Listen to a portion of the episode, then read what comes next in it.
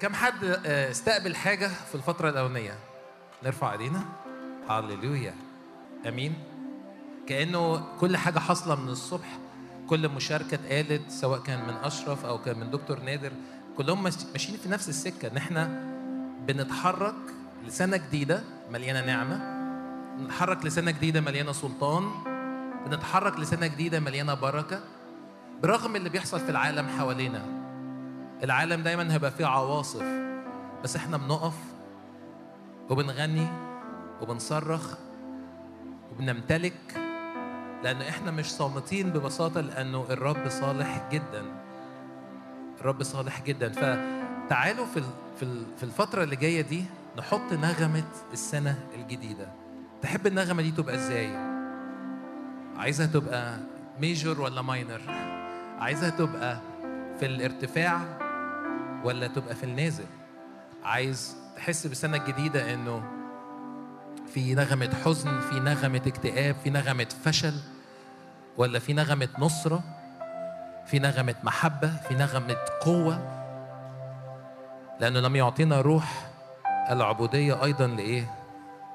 للخوف صح؟ بس روح التبني روح الرب اللي فينا روح القوة والمحبة والنصح ينفع نختار النهارده نقف أمام الرب ونعلن إنه صالح. آمين. آمين. كم حد مستعد يحط هذه النغمة الجديدة؟ كم حد مستعد؟ تعالوا نقف مع بعض كده في بداية الاجتماع. تعالوا نشجع نفسنا ونقوم وننتفض ونعلن إن السنة دي سنة جديدة. في المعتاد دايما الاحتفالات بتاعت آخر السنة دايما نقول إيه؟ سنة التعويضات. فبقت حاجة اكلاشيه آخر حاجة لأنه بقينا نحس هي كل سنة سنة التعويضات وما بنشوفش تعويضات. بس أنا إيماني إنه في حتة كده وسطية في النص. في حتة بتقول إنه آه، مش لازم السنة دي تبقى آه، بطريقة إنه يا جماعة إحنا قلنا قبل كده سنة تعويضات مفيش تعويضات وبعد كده ناس تقول لأ هي سنة تعويضات ونحاول بس مفيش ثمر أو مش شايفين حاجة بتحصل. لكن في حاجة بتحصل. كان بنقول للرب إلى من نذهب؟ لأن الحياة الأبدية هي عندك. فأشجعك ارفع إيدك غمض عينك معايا واشكر الرب على سنة فاتت. اشكر الرب على كل حاجة عدت كل حاجة إيجابية عدت كل حاجة سلبية حصلت والرب افتداها. لو في حاجات سلبية لسه مكملة ارفع إيدك واطلب فدا ليها. زي ما كان أشرف بيصلي الصبح إن إحنا نقفل السنة القديمة ونخش للسنة الجديدة بقوة. فإحنا ما زلنا مكملين في هذا الاتجاه.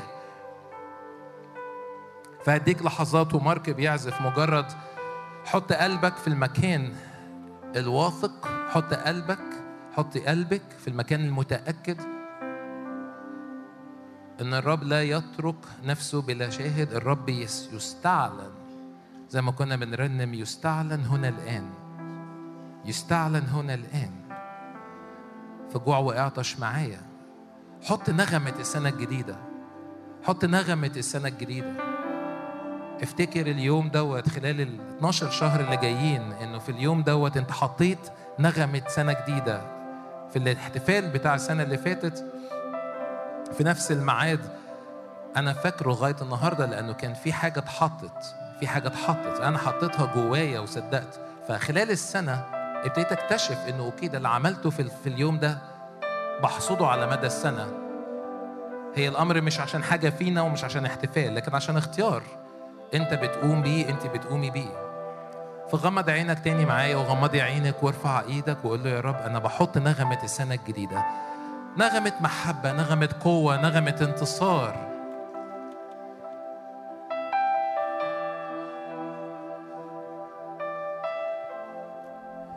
هللويا نبارك اسم الرب نبارك اسم الرب. نعلي الهتاف أمام الرب نعلي الهتاف أمام الرب. نسبح اسمه. لأنه وحده مستحق. هللويا ينفع تقول معايا هللويا للرب؟ هللويا للرب. مجدا للرب. مجدا للرب. بديك صلاحية إنك تطلع الصوت وتقول له هللويا قول له هللويا قول له هللويا هللويا هللويا نعم نعم. هللويا نسبح اسم الرب. ارفع إيدك عليا. نقول له اسبح اسمك. أنت وحدك مستحق أن تأخذ المجد والكرامة إلى الأبد. بنحط نغمة السنة الجديدة ونقول نغ- نغمة مليانة نصرة مليانة سلطان مليانة محبة. اعلن الرب هو الصالح. الرب الذي في العلا هو أقدر هو مستحق هو مستحق هو مستحق. علي اسم الرب أديك صلاحية في في بداية الوقت مجرد علي صوتك وقول له هللويا وسبح اسمك. من مثل الرب إلهنا؟ جعلنا أعظم من منتصرين. هللويا في اسم الرب يسوع. نعلن هذه السنة مليانة مليانة مع كل تحدي في نصرة. مع كل عوائق في في الرب يدينا القدرة إن إحنا نقفز نقفز فوق كل عائق يجي قدامنا. الرب معنا فمن علينا. هاليلويا. هاليلويا. هاليلويا. بديك صلاحية. شاوت شاوت ذا لورد علي اسمك. صرخ للرب قول له هاليلويا. قول له هاليلويا هاليلويا. يسوع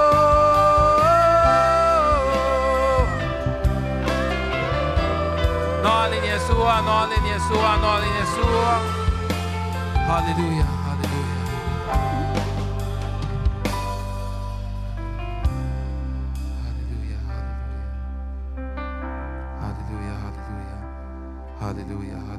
مكتوب. في مزمور أربعين مكتوب انتظارا انتظرت الرب فمال إلي وسمع صراخي وأصعدني من جب الهلاك من طين الحمأة وأقام على صخرة رجلي. ثبت خطواتي وجعل في فمي ترنيمة جديدة. تعالوا نقول الكلمات ديت انتظارا انتظرت الرب. فمال إلي وسمع صراخي أصعدني من جب الهلاك من طين الحمأ وأقام على صخرة رجلي ثبت خطواتي وجعل في فمي ترنيمة جديدة ترنيمة جديدة نعلن مجدا للبار نعم تسبيحة لإلهنا هللويا كثيرون يرون ويخافون ويتوكلون على الرب وطوبى للرجل الذي جعل الرب متكله. ولم يلتفت إلى الغضاريس والمنحرفين إلى الكذب. هللويا هللويا عايز أنط معاكم للآية بتقول تسبيحة وتقدمة لم تصر. أذني فتحت. محرقة وذبيحة خطية لم تطلب.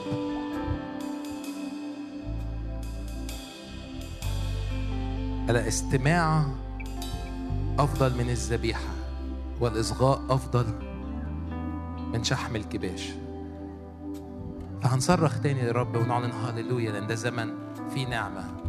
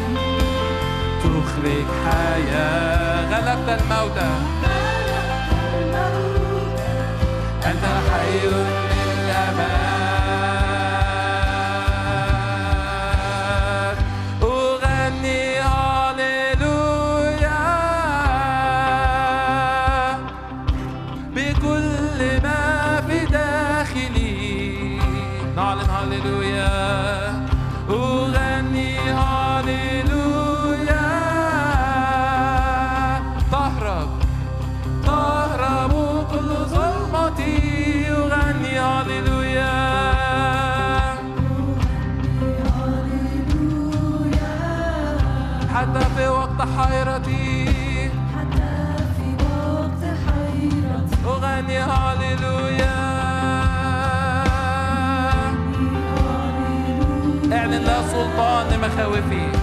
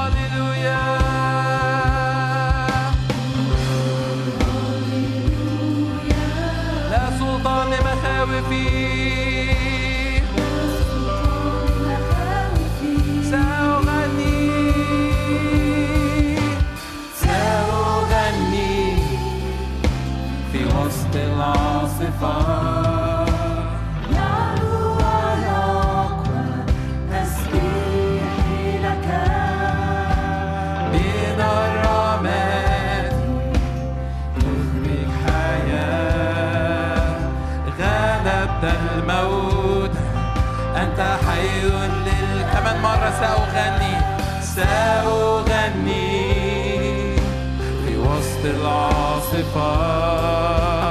يعلو تسبيحي لك من تخرج حياة غلبت الموت. أنت حي للأبد. ارفع إيدك معايا. ارفع إيدك معايا واعلن إن الرب حي إلى الأبد. هو حي إلى الأبد. الرب حي الرب حي الرب حي إلى الأبد. ارفع إيدك معايا ارفع إيدك معايا. مجرد وموسيقى شغالة كده. علي اسم الرب. علي اسم الرب جوه قلبك جوه نفسيتك. اعلن هو حي إلى الأبد. يسوع هو حي إلى الأبد. هو حي إلى الأبد.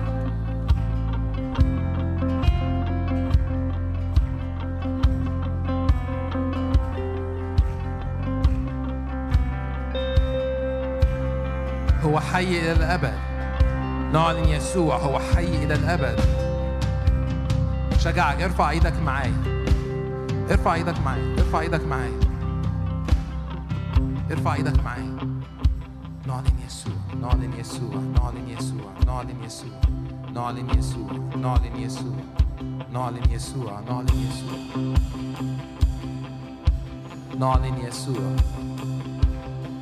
يسوع. نعلن يسوع تعالوا نعلي اسم يسوع مع بعض نعلن يسوع يسوع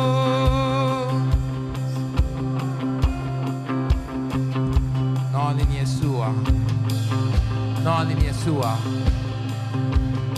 نعلن يسوع نعلن يسوع نعلن يسوع نعلن يسوع نعلن يسوع يسوع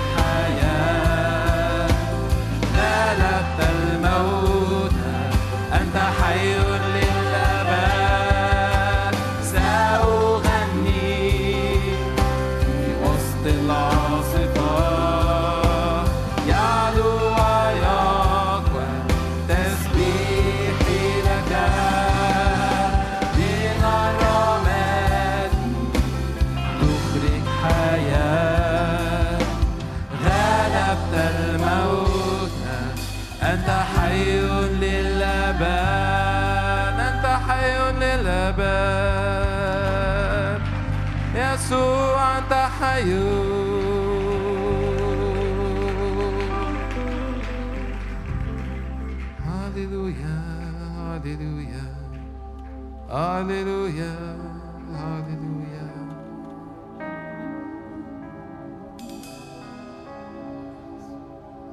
هللويا هللويا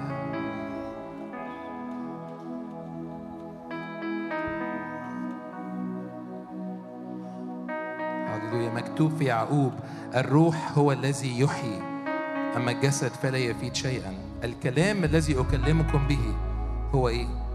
روح. وحياة. كلام يسوع هو في حياة. مكتوب إن في هذا الوقت رجع كثيرون من تلاميذه إلى الوراء. لم يعودوا يمشون مع يسوع لأن يسوع لهم كلام أصعب من هما يستقبلوه. كان بيتكلم عن جسده. فسألهم ألعلكم أيضا تريدون أن تمضوا؟ عايزين كمان أنتوا تمشوا. الموضوع كبير الموضوع مش مفهوم. بس بطرس قال جملة مهمة جدا. قال له إيه؟ يا رب إلى من؟ نذهب. كلام الحياة الأبدية هو عندك. ونحن قد آمنا وعرفنا أنك أنت المسيح ابن الله الحي. إلى من نذهب وكلام الحياة أبدية هو عند الرب.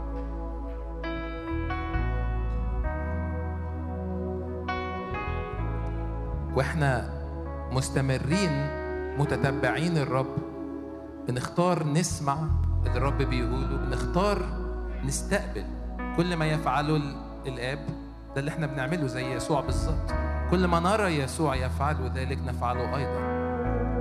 فمجرد صدق معايا في اللحظات اللي جاية إنه الحاجة إلى واحد هو يسوع المسيح. صرخة قلوبنا إلى من نذهب؟ الحياة الأبدية هي عند الرب. في نصرة في نعمة صلاح الرب في هذه السنة.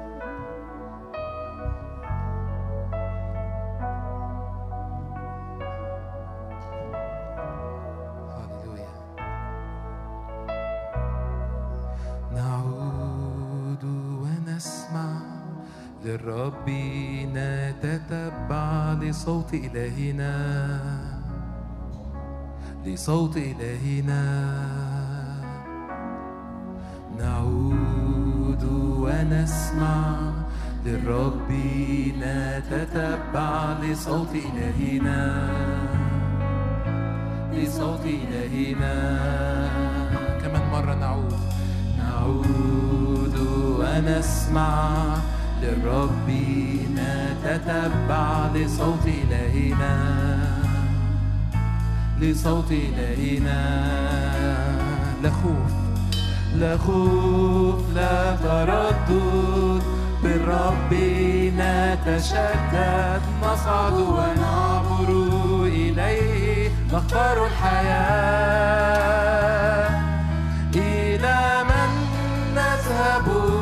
إلى يسوع رب الحياة.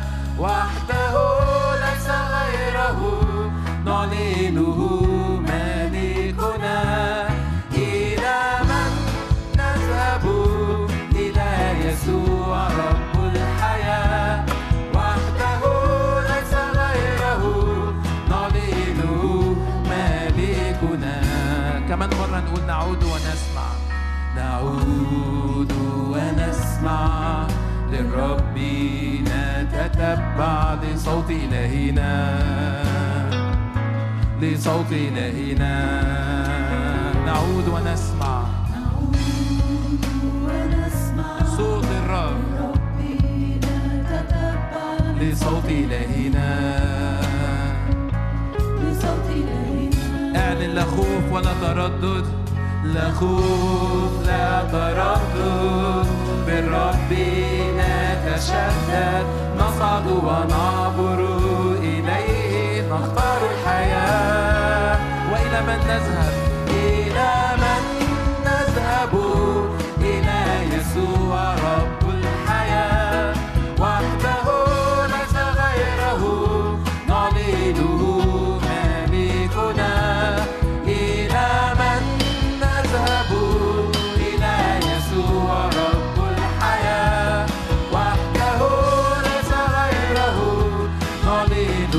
مرة إلى من نذهب إلى من نذهب إلى يسوع رب الحياة. وحده ليس غيره نعلنه مالكنا نسير ونحيا وعدينا نتمسك هللويا رجاء مجدنا نعلن نسير ونحيا. نسير بيسوع بيسوع ناظرين. رجاء مجدنا رجاء مجدنا تعالوا نعلن ده كمان مرة. نسير ونحيا. نسير ونحيا بيسوع ناظرين. رجاء مجدنا رجاء مجدنا لنا خير ورحمة لنا خير ورحمة. بالوعد نتمسك نملك ونرث من إلهنا بركات وافرة إلى من نذهب؟ إلى يسوع رب الحياة. وحده ليس غيره نعلنه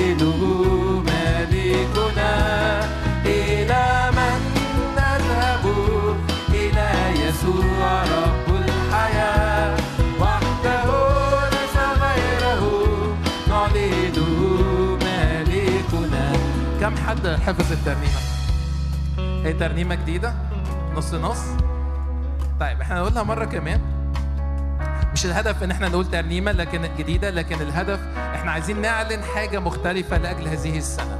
إحنا عايزين نعلن دي السنة فيها بنتتبع الرب. متهيألي لو إحنا سمعنا صوت الرب بوضوح كل لحظة في حياتنا ما أظنش إن في مشاكل هتقابلنا. وأي مشاكل هتقابلنا الرب يعطينا نصرة لأن دايما فيه النعم وفيه الأمين. فتعالوا نجرب نقولها كمان مرة. أشجعكم لو كلنا نقف مع بعض. نقف كلنا مع بعض. تعالوا نعلن إحنا بنعود نتتبع الرب. هنقولها مرة كمان. عايزك تقولها معايا. صدق جوه قلبك إن الرب يتكلم ليك. الرب يتكلم ليك. نعود ونسمع. هللويا.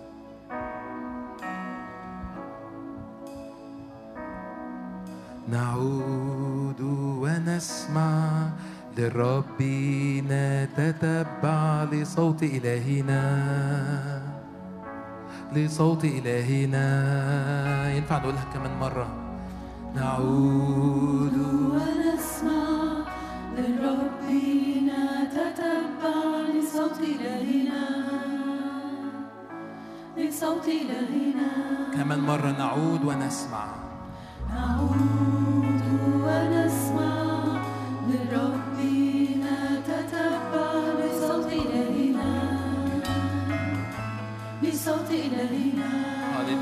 خوف ولا تردد.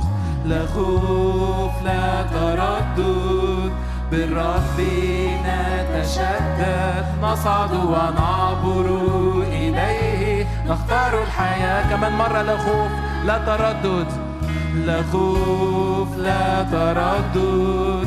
بالرب نتشدد. نصعد ونعبر. إليه نختار الحياة. إلى من نذهب؟ إلى من نذهب؟ إلى يسوع رب الحياة. وحده ليس غيره. نعلنه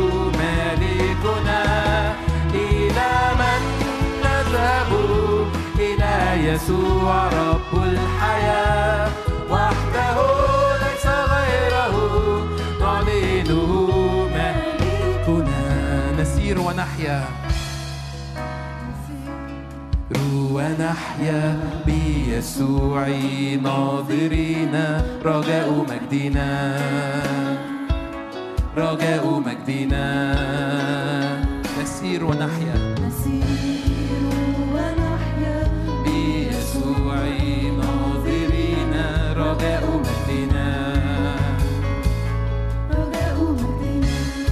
لنا خير ورحمة لنا خير ورحمة.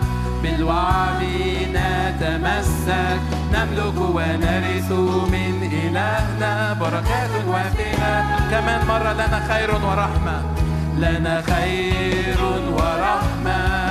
بالوعد نتمسك نملك ونرث من إلهنا بركات وافرة إلى من نذهب؟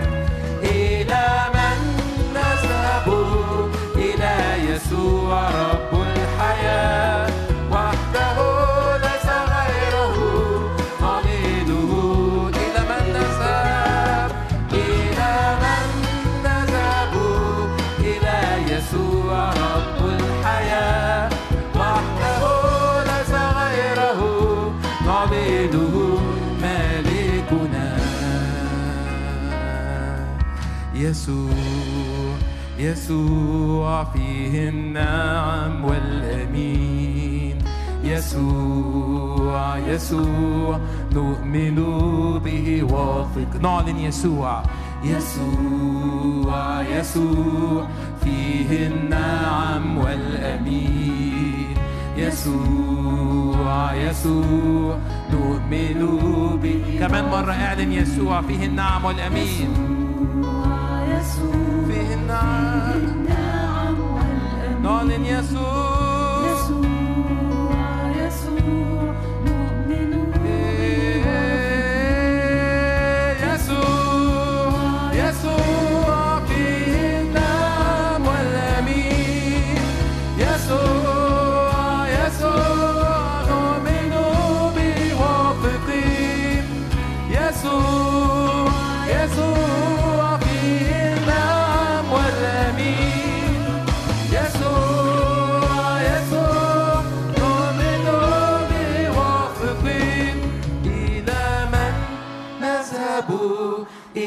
يسوع رب الحياة.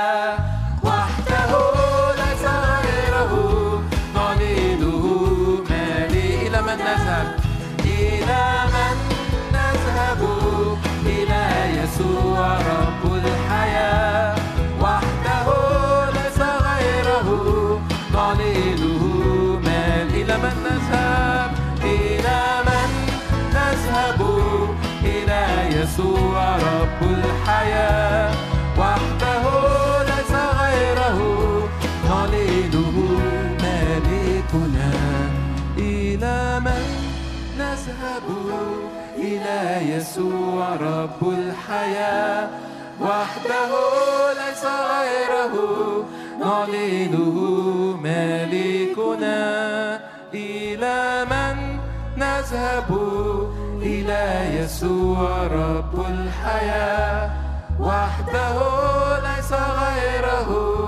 نعلنه مالكنا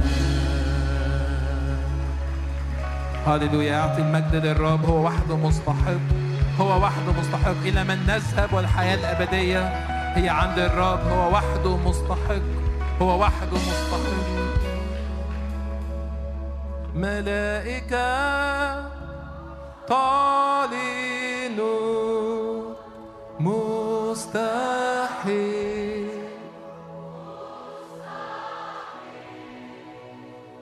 وشعبك يعلن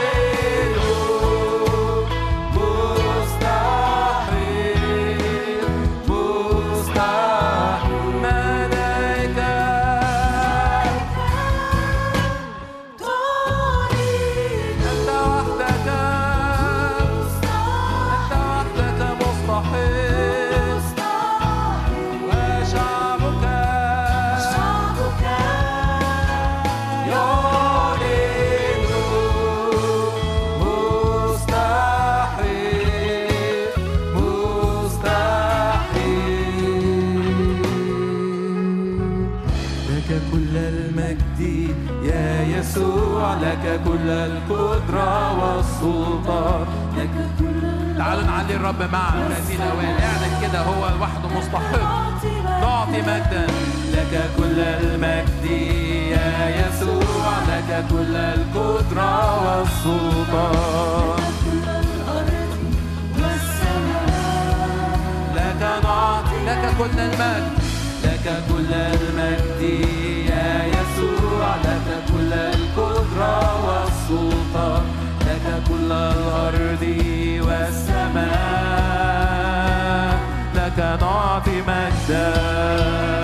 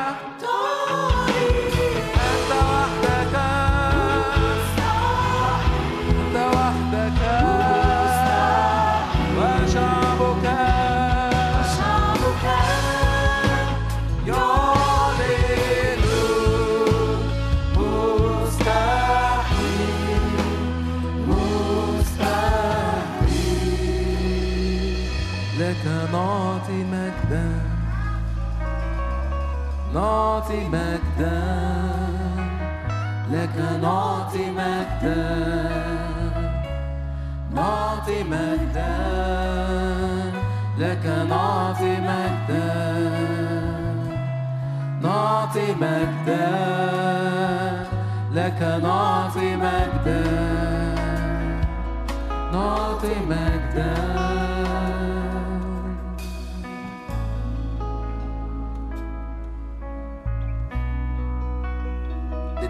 فلنتتبع لنعرف الرب. خروجه يقين كالفجر. يأتي إلينا كالمطر كمطر متأخر يسقي الأرض. لنعرف فلنتتبع لنعرف الرب. ارفع إيدك كمان مرة معايا. واعلن إنك تتتبع الرب. أن تتبع الرب ولا تنحني. لأي آلهة أخرى.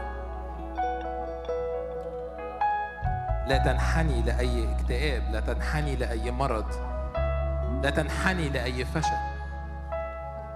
اعلن لا انحناء في اسم يسوع لا انحناء في اسم يسوع.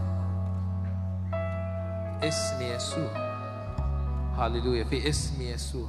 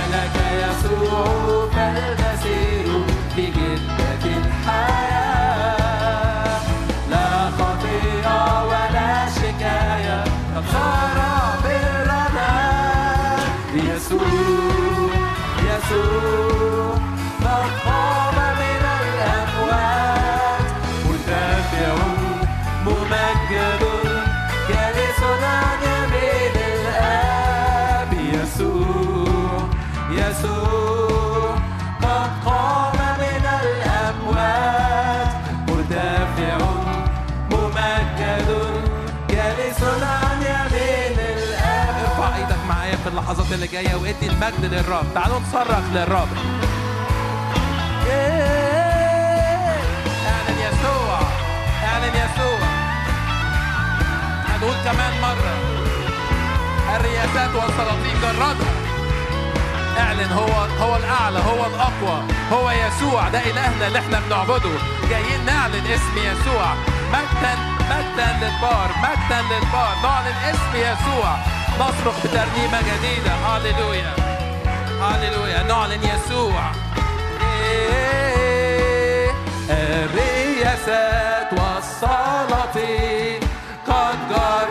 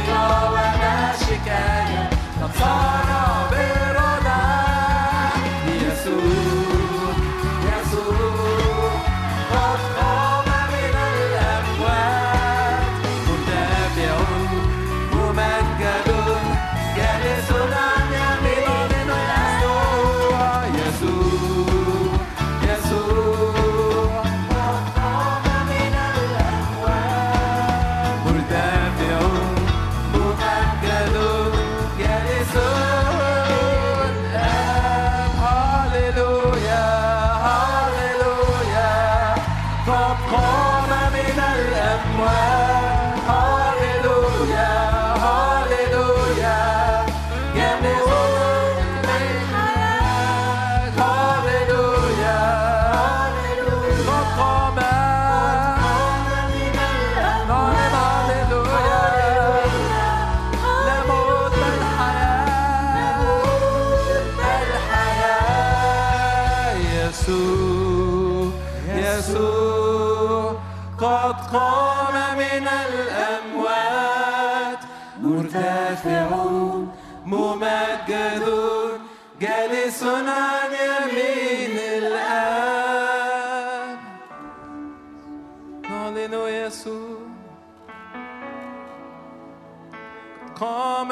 الأموات نعلن يسوع هو جالس عن يمين الآب نعلن يسوع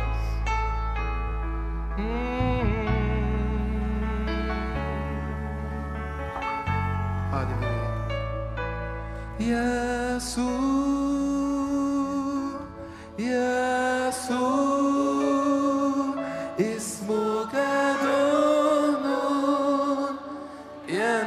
ينسكي مجدا لاسمك.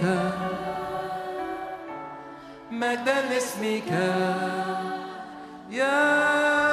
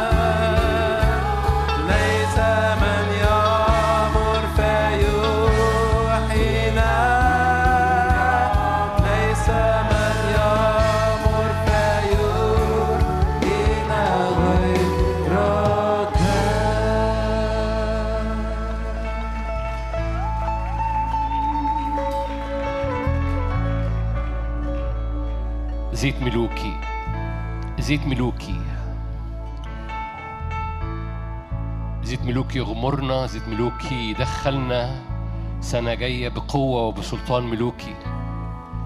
زيت ملوكي ومسحة ملوكية تنسكب من الملك ملك الملوك ورب الأرباب. أغمرنا وطينا حتى طرف الثياب.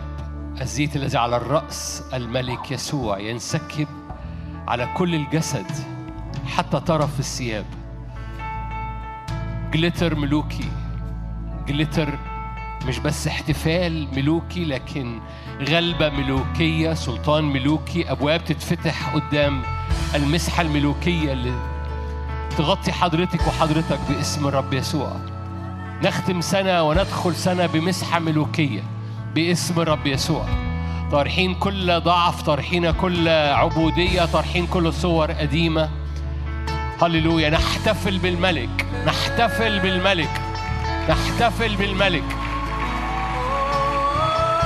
الذي معه أمرنا معه أمرنا. نحتفل بالملك. باسم الرب يسوع باسم الرب. ننفض. كل حاجة قديمة لأن الملك عابر أمامنا. الرب الملك.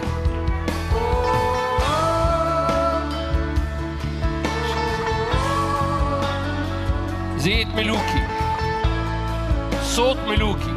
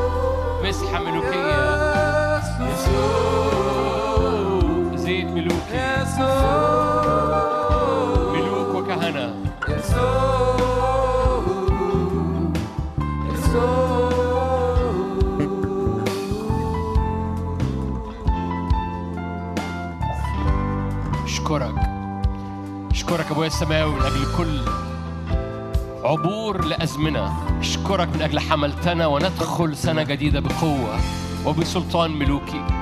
مد إيدك معايا قول يا رب امسحني مسحة ملوكية. ملوك وكهنة كهنوت ملوكي للأزمنة اللي جاية. طارحين ما وراء ممتد إلى ما قدام بسلطان. بسلطان ندخل سنة جديدة بقوة. وبمسحة نارية في اسم الرب يسوع. تزداد النعمة جدا علينا في اسم الرب يسوع. تزداد المسحة تزداد النعمة تضرم النار في اسم الرب يسوع. ليك كل المجد يا رب. آمين.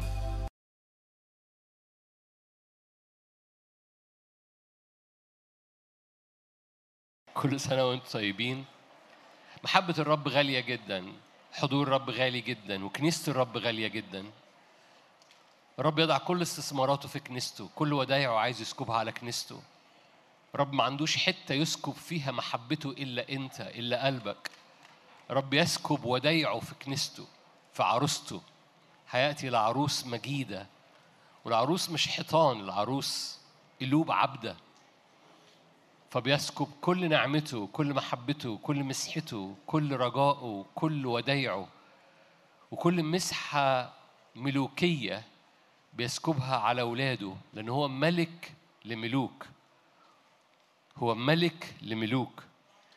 هو رئيس لكهنة. عشان كده بيطلع كهنوت ملوكي في حضرتك وفي حضرتك. فأنفض الصورة القديمة لأن رب بينزل القشور من على عينيك هو ملك هو ملك بالظبط كده. هو ملك ملوك. هو ملك الملوك. فبيدخل الملوك لأراضي جاية. هذا التعبير بنقوله بس كتير بنتصور إنه اجتماع يعني تعبير روحي بس هو مش تعبير روحي هو هو حقيقة. الأرض اللي أنت داخل ليها أرض يملكها ملوك. لما دخلوا أرض كنعان غير أرض البرية. أرض البرية أرض توهان. لكن أرض الامتلاك أرض فيها ملوك. والملوك بيطردوا الملوك عشان يمتلكوا. أرض الامتلاك أرض على حساب ملوك. ولو أنت هتواجه ملوك يجب أن هويتك ما تبقاش هوية العبيد. لكن أنت بتمتلي من مسحة ملوكية رب يسكبها على حياتك وأنت واقف قدامه. عشان كده الكهنوت ملوكي.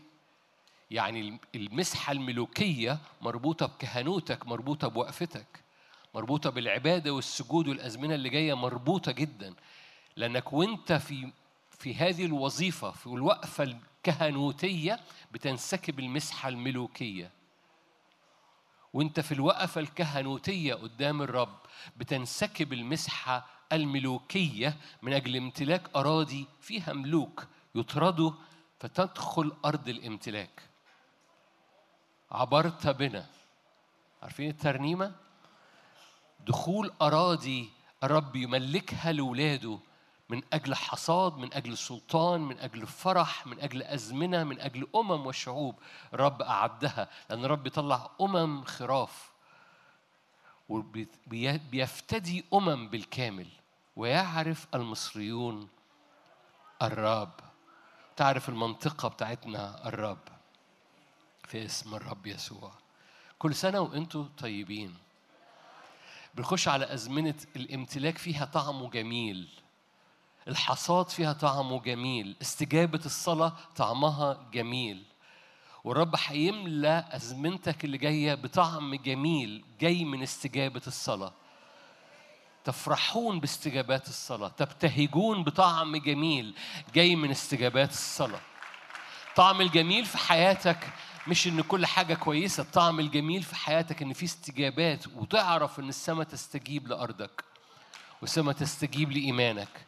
فاستجابات الصلاة هامة جدا والولاد الرب يقف في هذا المكان اللي فيه دهن طيب بينسكب من قلب أبوك السماوي على حياتك وعلى مسيرك وعلى بيتك على أوضتك وعلى أولادك وعلى كنيستك واستخدامك في اسم الرب يسوع. أمور عملية للتعامل مع 24 وطالع. مستعدين؟ أمور عملية للتعامل مع 24 وطالع. أول نقطة. أول نقطة هللويا هي قديمة قوي. الكنيسة الأولى كانت بتعملها. لكن اتنست مع الأزمنة ولم نتصور إن دي كان ليها قصد. لكن الكنيسة الأولى كانت بتعمل كانت تتعامل مع الجوانب الأربع للحياة. مقاصد الرب إنك تتعامل مع الجوانب الأربع الطبيعية في حياتك. هناك أربع جوانب في الحياة. على المستوى الطبيعي هناك شرق غرب شمال جنوب. الكنيسة الأولى كانت تتعامل إنها بتوجه صلواتها للجوانب الأربع للحياة. زي ما اتفقنا أنت أنت مش منتظر وعظة أنت منتظر حاجات عملية. أؤمن إن في بعد عملي في حياتك عشان تغطي الأربع جوانب بتاعت حياتك. الكنيسة الأولى كانت بتصلي في الاتجاهات الأربع. يمكن تقولي ده دي صورة طقسية، أقول لك يمكن وصلت النهاردة بصورة طقسية، لكن الكنيسة الأولى لم تكن تتعامل معها بصورة طقسية. أرى الشعب بيقف ورافع إيديه في أوضته وبيقف ورافع إيديه وبيغطي الجوانب الأربع بتاعت بيته الجوانب الأربع بتاعت حياته الجوانب الأربع بتاعت خدمته. دي مش صورة طقسية دي استراتيجية روحية. ليه؟ لأن هناك وقفة عشان تغطي كل جوانب حياتك. هقرأ لك آيات من سفر زكريا. مش غريب إن أقرأ لك من سفر زكريا. ليه؟ برافو عليكم. سفر زكريا الإصحاح الأولاني. زكريا واحد. آية 18 رفعت عيني ونظرت إذا أربع قرون. إحنا النهاردة بنعمل شغل. المشاركة دي فيها ست استراتيجيات ل 24 وطالع. أمور عملية. أول أمر عملي هتغطي أربع جوانب حياتك؟ لأن هناك في بعض أحيان مواجهات من الجهات الأربع. وتجد أن الرب يسكب الروح القدس من الجهات الأربع. بهب بريح من الجهات الأربع على العظام اليابسة. بهب بريح من الجهات الأربع عشان يقوم لعازر تقليد القديم يقول كده انه لما وقف الرب عند قبر العازر قال له هب يا روح من الرياح الأربع. بيأتي زمن شعب الرب بيقف مش بيسمع المعلومة أو يسمعها عظة لكن بيقف استراتيجيا عارف إنها مفتاح إنه بيغطي الجهات الأربع. رفعت عيني ونظرت اذا أربع قرون. قلت للملاك الذي كلمني ما هذه؟ قال لي هذه القرون التي بددت يهوذا وإسرائيل وأورشليم. أربع مواجهات أربع جهات بيأتي منها الحرب. فأراني الرب أربع صناع. بدون دخول في في في مشاركات روحية عن هذا الشاهد قلت جاء هؤلاء ماذا يفعلون؟ فتكلم الملاك قائلا هذه القرون هي التي هجمت الشعب في العهد القديم حتى لم يرفع إنسان رأسه. وقد جاء هؤلاء الصناع ليرعبوهم ويطردوا قرون الأمم الرافعين قرنا على شعب الرب لتبديدها. في بعض أحيان العدو بيأتي من الجهات الاربع والرب لا يريدك إنك تبقى محاصر من العدو من أي جهة. بل بالعكس الرب يريدك أن تقف في وسط أوضتك في وسط حياتك في وسط خدمتك في وسط بيتك وتدرك أن الرب يغطي جهاتك الاربع الكنيسة الأولى ما كانتش بتعمل ده بطقس. لو النهارده انت عندك آه ادراك ان في كنايس بتصلي كده الجهات الاربع في بعض احيان في الاعياد في اعياد معينة بي بي بيصلوا في الجهات الاربع ده له خلفية كنسية قديمة في الكنيسة الأولى. بل بالعكس هي خلفيتها جاية من تقليد اليهودي وكلكم سمعتوني بقول عليه قبل كده. لأن كان بيرى الشعب في العهد القديم إن هذا الاسم اسم الرب يود هي فاف هي يهوه انه هو بيغطي لأنه أربع حروف بيغطي الجهات الأربع بتاعت حياته. وكان لما الشعب في العهد القديم يرفع إيديه ويعلن هذا الاسم ما كانش بيقول الاسم على بعضه كان بي بي بيقولوا حرف حرف يود هي فاف هي. بس الصورة اللي جواهم أنت بتغطي شرقي شمالي غربي وجنوبي يود هي فاف هي. إنه الرب يحيط بيك من كل جهة. الرب يحيط بالجهات الأربع. وكان إيمانهم إن كل مرة وهم بيعلنوا هذا هذه الحروف اسم الرب القدوس كانوا بيعلنوا هذه الحروف أن الروح يهب من كل جهة. الروح القدس يهب من كل جهة. ويحاصر الشعب اللي بيتغطى بحضور الرب من كل جهة. عايز أقول لك إنه أنا أنا لما تبص على كل حاجة كان في أربع أنهار في عدن في أربع قرون للمذبح واللي كان بيلمس قرون المذبح كان بيبرأ في أربع وجوه لحركة الروح القدس في حسقيال واحد الأسد والنسر الإنسان والتور. دائما مقاصد الرب في الكتاب المقدس أن يغطي الأربع جهات بوجهه يغطي الأربع الجهات بأنهاره. وهذه الأنهار وأنت واقف قدام الرب أنا بحكي عن حاجة عملية استراتيجية. شايفك واقف في أوضتك شايفك واقفة في حياتك ومدركة الأربع جهات رب يهب من خلالهم. بوجهه بحضوره بأنهاره. هذه الأنهار الروحية أربع أنهار بتخلق مجتمعات الملكوت لأن الأنهار بتخلق مجتمعات. وهذه المجتمعات بتفتدي الأمم. أرى شعب بيقف في محافظاته بيقف في بلاده المختلفة اللي بتشاهدنا وبيدرك إن أربع جهات الأمة بتتغطى بحضور الرب. بدل ما يأتي قرون هنا دي قرون شريرة يأتي بقرون بتحاول تض- تضغط شعب الرب. شعب الرب يقف ويدرك إن الرب يحيطه من كل جهة. هبات الروح القدس من كل جهة. إنه يحاصر بحضور ربنا من كل جهة إن مفيش جهة مكشوفة للعدو. إن بيتك محمي بدم الرب يسوع بس بتقف في الجهات الأربع. حياتك شغلك ارتباطك نفسيتك فلوسك من كل جهة محاصر بحضور ربنا. الكنيسة الأولى كانت بتتعامل بده باستراتيجية إن ده استراتيجية إلهية.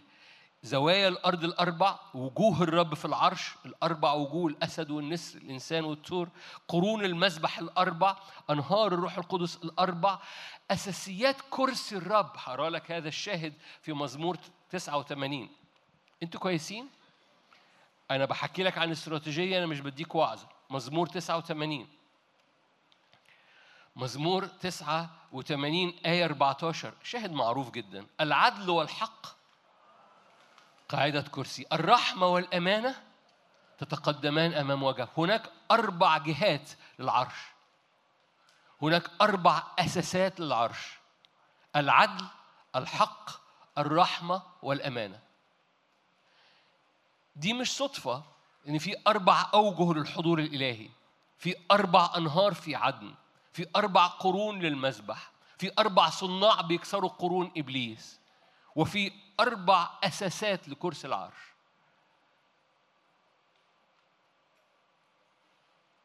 أنا بتكلم بسرعة؟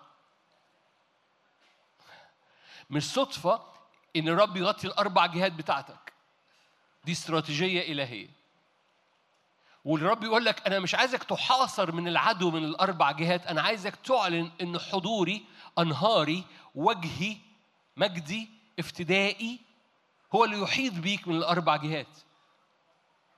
وهذا الحضور الإلهي اللي مليان بي بي بيثبت العرش عليك العدل والحق الرحمة والأمانة يحيط بيك من كل جهة. ما أعرفش عنك بعد كده خلال هذه السنة مجرد وأنت واقف في بيتك وتدرك كده وأنت عمال بتعلن يود هي فاف هي اسمك يا رب أنهارك يا رب وجهك يا رب كرسي العرش عمال بيتثبت على حياتك. ورب طلع ناس مدركها إن حضور الرب أقوى جدا من كل اللي بيحصل في الأرض.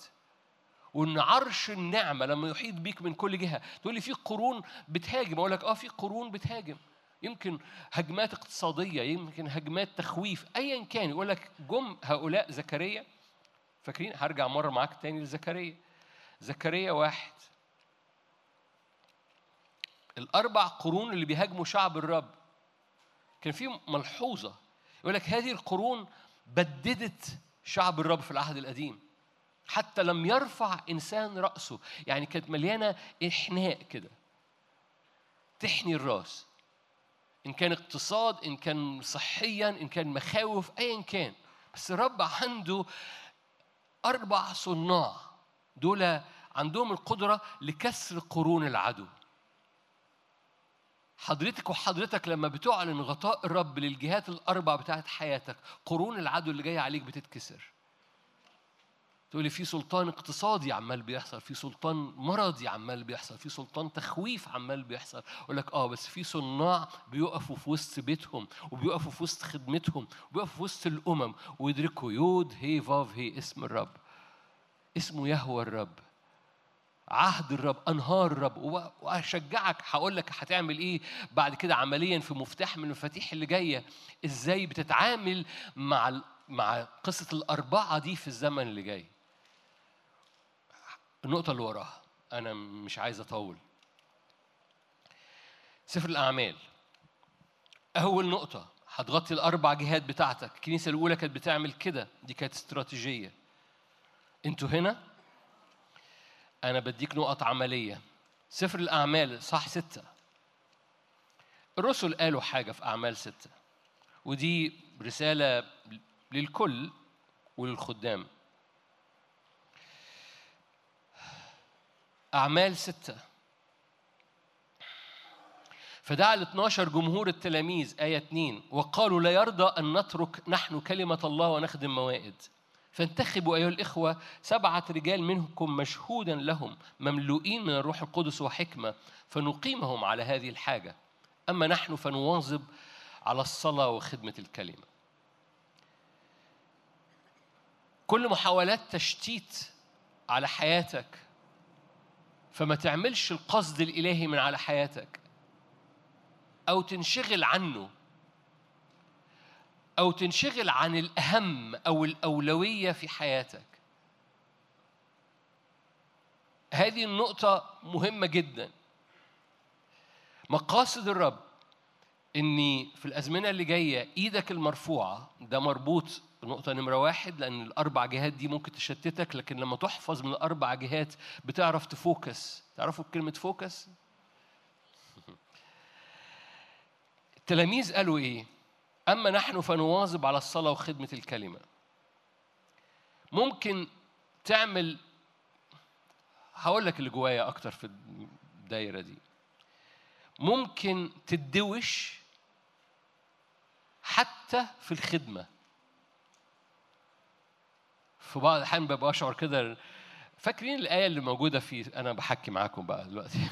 مرقس قال كده إنه دعا ال 12 عشان يكونوا معهم يكونوا معه ويرسلهم للخدمة. فاكرين الشاهد ده؟ نمرة واحد في الدعوة إنك تكون معاه. نمرة اتنين إنه يكلفك بتكليفات. بشعر كتير ربنا قال أنا أرسلت ناس وما رجعوليش. يعني أنا بعتهم وأدي وش الضيف. يعني هم في حالة إرسالية بس هم فقدوا النقطة نمرة واحد. حد فاهم حاجة؟ نمرة واحد أنت بتخدمه هو. أنت مش بتخدم خدمتك أنت بتخدمه هو. نمرة واحد أنت مش متشتت عن وشه. وأي خدمة بتخدمها بتخدمها في وشه. مش بعيد عن وجهه. ما تخليش العدو يشتتك ما تخليش الأربع جهات تشتتك. انت ادرك إن هو يحيط بيك من كل جهة وبالتالي أي حاجة بتعملها هي في وجهه بفوكس. ما أعرفش أنتوا هنا ولا مش هنا. في أولوية في مشاويرك الروحية إنك في كل ما تصنعه تكون شايفه هو. أما نحن فنواظب على الصلاة وخدمة الكلمة. ده لكل حد. أنا أنا بخدت هذا الشاهد كمثال لكن القصة أنت بتعمل كل حاجة في وجهه لأن هو بيحيط بيك من كل جهة. وأوعى تفقد المشهد بتاع وجهه حتى بخدمتك.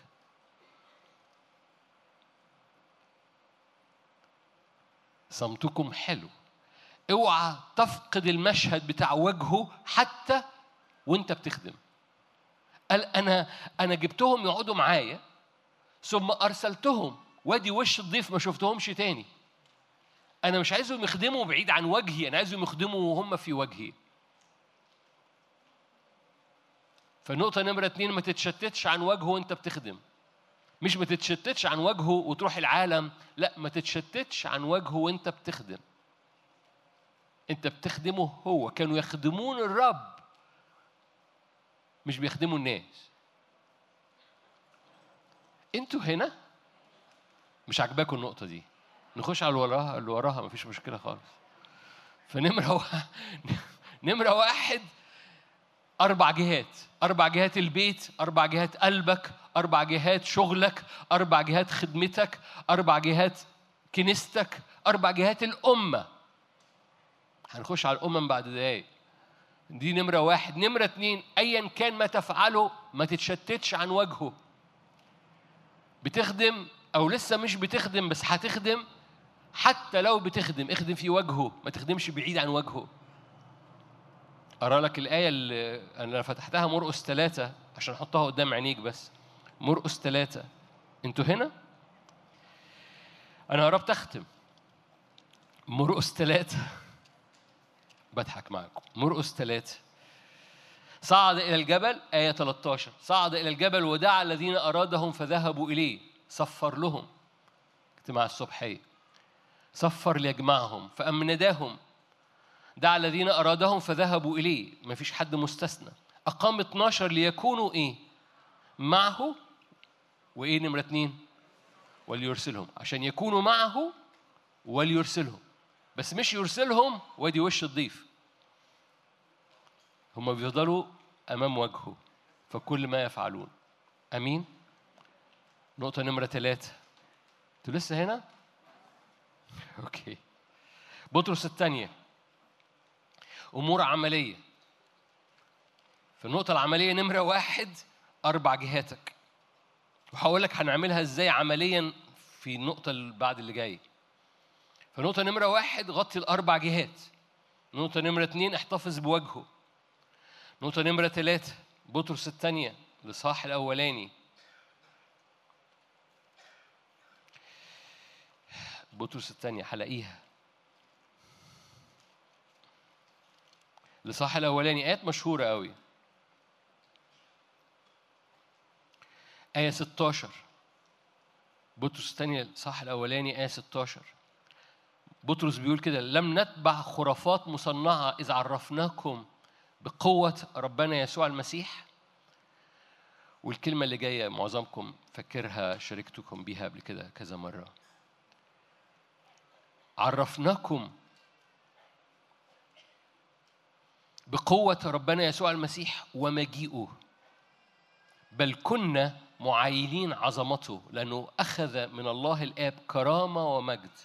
إذ أقبل عليه صوت من المجد الأسنى قائلا هذا هو ابني الحبيب الذي أنا سررت به. نحن سمعنا هذا القوت صوت مقبلا من السماء إذ كنا معه في الجبل المقدس. هقف هنا. بطرس بيحكي عن قصة التجلي. بطرس بيحكي وهم في الجبل ويسوع ابتدى يتجلى. بس بيصف هذا التجلي بتعبير خاص جدا. رأينا قوة ربنا يسوع المسيح ومجيئه. كنا معينين التجلي كنا معينين عظمته فشفناه ويصف هذا المشهد إنه كان مجيء. الكلمة اليونانية باروزيا باروزيا تعني حضور شخصي يعني شخصه موجود. هذه الكلمة متكررة في كتاب مقدس كثيرا عن أشخاص موجودين في مكان ويتحدث عن مجيء. بس في القصة دي هذا المجيء كان فوق جبل التجلي. تقول إيه؟ قص... عمليا أنت عايز إيه؟ عايز تقول إيه؟ أقول لك الرب هيقودك في هذه السنة 24 وطالع لأوقات انتظار قدامه لزيارات مجيء في أوضتك. وهذه الزيارات هتبقى لمعة جدا. في تعبيرين في كتاب مقدس الرب شغلني بيهم في النقطة دي. اللي هينتظروا قدام الرب هذا المجيء أو هذا التجلي في الأوضة وفي الاجتماعات بتاعتهم وفي العبادة بتاعتهم. هختبروا حاجتين تعبيرين موجودين في كتاب مقدس. يوم قوته وزمان حضوره. في تعبيرين في كتاب مقدس اسمهم زمان الحضور ويوم القوة. وأرى أشخاص بيقفوا قدام الرب منتظرين مجيء في الأوضة. مجيء. كنا معاينين عظمته. أنتوا شايفين الآية؟ كنا معاينين عظمته. دي كانت إيه؟ قوة ربنا يسوع المسيح ومجيئه. وفي ناس بتستقبل هذا المجيء لأن هم عايزين يعاينوا هذه العظمة. فهيختبروا حاجتين يوم قوته وزمان حضوره. هقرأ لك الشاهد لأن أنا مش بوعظ. زمان الحضور دي موجودة في مزمور 21 يقول لك زمان في زمان اسمه زمان حضور. تقول لي من رب حاضر؟ أقول لك آه بس في زمان معينين عظمته. وفي اختبارات جديدة جاية للمنتظرين الرب. فاكرين منتظر الرب يجددون القوة؟ يرفعون أجنحة كالنسور؟ بيطلعوا فوق الجبل؟ لأن الأرض بتستجيب مش لتاريخ الأرض مش بتستجيب لاسمك أو وظيفتك أو قسيس أو خادم. الأرض بتستجيب لمشاويرك الروحية. وأنت منتظر الرب بتحصل زيارات اسمها يوم المجيء. يوم قوته وزمان حضوره. هناك أشخاص 24 وطالع بسبب مشاورهم وهم قدام الرب منتظرين هذه الزيارات الروحية على حياتهم. هختبروا هختبروا المجيء قبل المجيء. بتعبيرين اسمه يوم القوة وزمان الحضور. يوم قوتك وزمان حضورك. شعبك من... فاكرين آية مزمور 110 شعبك منتدب في إيه؟ في حاجة اسمها يوم قوة وفي حاجة اسمها زمان الحضور. والرب عايز يأتي بيوم القوة وزمان الحضور على حضرتك في أوضتك. أنت جمال. الرب عايز يفاجئك بزمان حضور بيوم قوة. التعبيرات دي كتابية. شعبك منتدب في حاجة اسمها يوم. يوم إيه؟ تحب يحصل زيارة من يوم قوته على حياتك؟ تحب ما ما ما لو انت تحب أنا احب. لو انت تحب اتحد معايا بإيمان. أوكي عشان الآية الثانية مش مشهورة مزمور 21 هي مشهورة المفروض بس مزمور 21 الرب هيستغلى مشاويرك وانت منتظر أنتوا عارفين ليه منتظر الرب يجددون القوة؟ لأن هذا الانتظار قدام رب دخلك لحتت أعمق من الطبيعي بتاعك. ده بروتوكول ملوكي. كتير بتصور بصوا بنتعامل مع الرب زي ما بتعامل مع بتحكي مع الرب رائع. بس الرب ياخدك بس مش بس في أزمنة بتحكي كما يكلم الرجل صاحبه. موسى كلم الرب كما يكلم الرجل صاحبه في في مستويات معينة في أيام معينة. بس في أيام تانية موسى احتاج يقف ست أيام منتظر الرب يدخله جوه النار. فموسى في بعض الأحيان كان بيتكلم زي ما إحنا بنتكلم مع الرب مباشرة. بس في بعض الأحيان كان بيحتاج موسى يتعلم طرق الرب وهو منتظر قدام الرب لغاية لما الرب يقول له تعالى. فكلمه الرب من النار فدخل موسى في النار بعد ست أيام. منتظر الرب بيختبروا زيارات مختلفة. والرب عايز يعمل زيارات على بيتك. مختلفة. مزمور 21 أنا بقرأ لك بس الآية. مزمور 21 وآية 9 حاجة اسمها ال ال ال تص... هارا آية 8 تصيب يدك جميع أعدائك خلي بالك ده بيتكلم على أرواح الشر. يمينك تصيب جميع مبغضيك. تجعلهم مثل النور نار إمتى؟ فيحصل حسم لحروبك في حاجة اسمها زمان حضور. أنتوا شايفين الآية؟ في حاجة اسمها حسم لحروبك في زمن اسمه زمان حضور وفي شعب بينتدب في زمن اسمه في يوم إيه؟ فحط التعبيرين زمان حضورك يوم قوتك ده جاي بسبب إيه؟ بسبب إنك بتعاين عظمته في زيارات في أوضتك فنمرة واحد الأربع جهات نمرة اتنين كل شيء أمام وجهه نمرة ثلاثة توقع زيارات في أوضتك مختلفة عن الطبيعي. زمان حضور ويوم قوة. أوكي. مم، هعديها لكم إنكم مش متشجعين. النقطة نمرة أربعة. قربنا نخلص هم ست نقط. عمليين. نقطة نمرة أربعة. وهنا هخش وهضم لك واحد واثنين وثلاثة في النقطة نمرة أربعة. أرى شعب بتخرج منه صلوات رسولية. تقول يعني إيه صلوات رسولية؟ صلوات صلوها الرسل؟ أقول لك لا.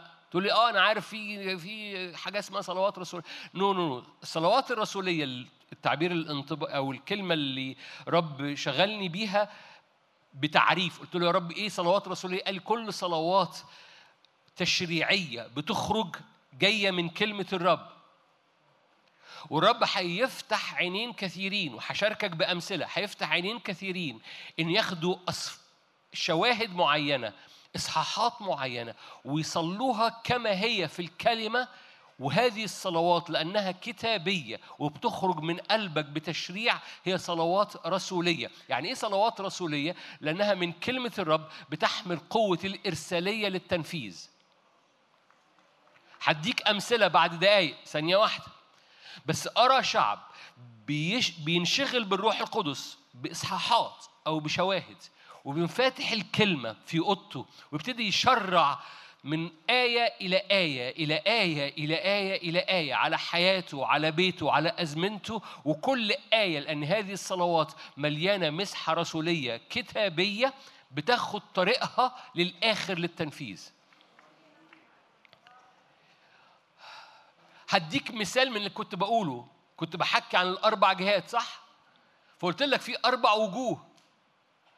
فتقوم فاتح حسقيال واحد وتقوم فاتح آه في وجه أسد تتصلي وتتنبأ في وجه نسر ياس. في وجه طور في وجه إنسان. آه ده في أربع أنهار. فتقوم فاتح تكوين سفر التكوين صح اتنين. وتقوم مصلي كل نهر وكل نهر رايح إلى جهة. وحكينا عن ده قبل كده. دي صلوات تشريعية كتابية وبالتالي هي صلوات رسولية لأنها جاية من كلمة الرب بمسحة رسولية فما تقفش قدامها أي أشياء إلى أن تحقق القصد منها. هرجع مرة تاني للأربع جهات. قلت لك في أربع قرون فتقوم فاتح في كتاب مقدس الأربع قرون مش- مشرع. أربع أوجه الأسد والنسر وجه فتقوم مصلي الأربع أوجه تقوم فاتح حسقيال واحد. فاتح الأربع أنهار. فاتح الشاهد اللي فتحناه في زكريا واحد. وتشرع صلوات جاية من كلمة الرب. تعود إن هيبقى في الزمن اللي جاي لما بتفتح الكلمة وتشرع من خلال شواهد كتابية. هناك سلطان رسولي إلى هذه الصلوات. ورب يطلع أبطال بمسحة رسولية لتحقيق كلمة الرب في الأرض. الأربع جهات المحيطين بيك. لما تطلع من كلمة الرب وتيجي تشرع دي صلوات فيها مسحة رسولية لا ترجع حتى تنجح في كل ما أرسله الرب ليها. لأن كلمة الرب لا ترجع فارغة. ولما حضرتك تاخد الكلمة واستراتيجيتها وتصليها بحسب الكلمة تقول لي أنا عارف الشاهد ده هصليه no no no no no صليه بحسب الكلمة. خليني أديك مثال هديك مثال عملي. تكوين واحد. فاكرين تكوين واحد؟ إيه اللي حصل في تكوين واحد؟ حد مسيحي هنا؟ ما عندكم ما عندكمش خبر اللي حصل في تكوين واحد؟ قال الرب مش كده؟ قال الرب صح؟ هقسم تكوين واحد لأربع صلوات صغيرين حضرتك محتاج تقولهم. ما أعرفش عنك بس أنا لما ربنا شغلني بالقصة دي من من فترة ابتديت أصلي هذه الصلوات لأنه أنا مش مش بوعظك حاجة ما بعملهاش. لقيت تكوين واحد عبارة عن أربع تشريعات بس هذه التشريعات لأنهم كتابيين وأنت بتصليهم ممكن يغطوا كل جوانب حياتك من سفر التكوين. وبالتالي هذه الصلوات لأنها كتابية لها سلطان إلهي ولا ترجع حتى تنجح.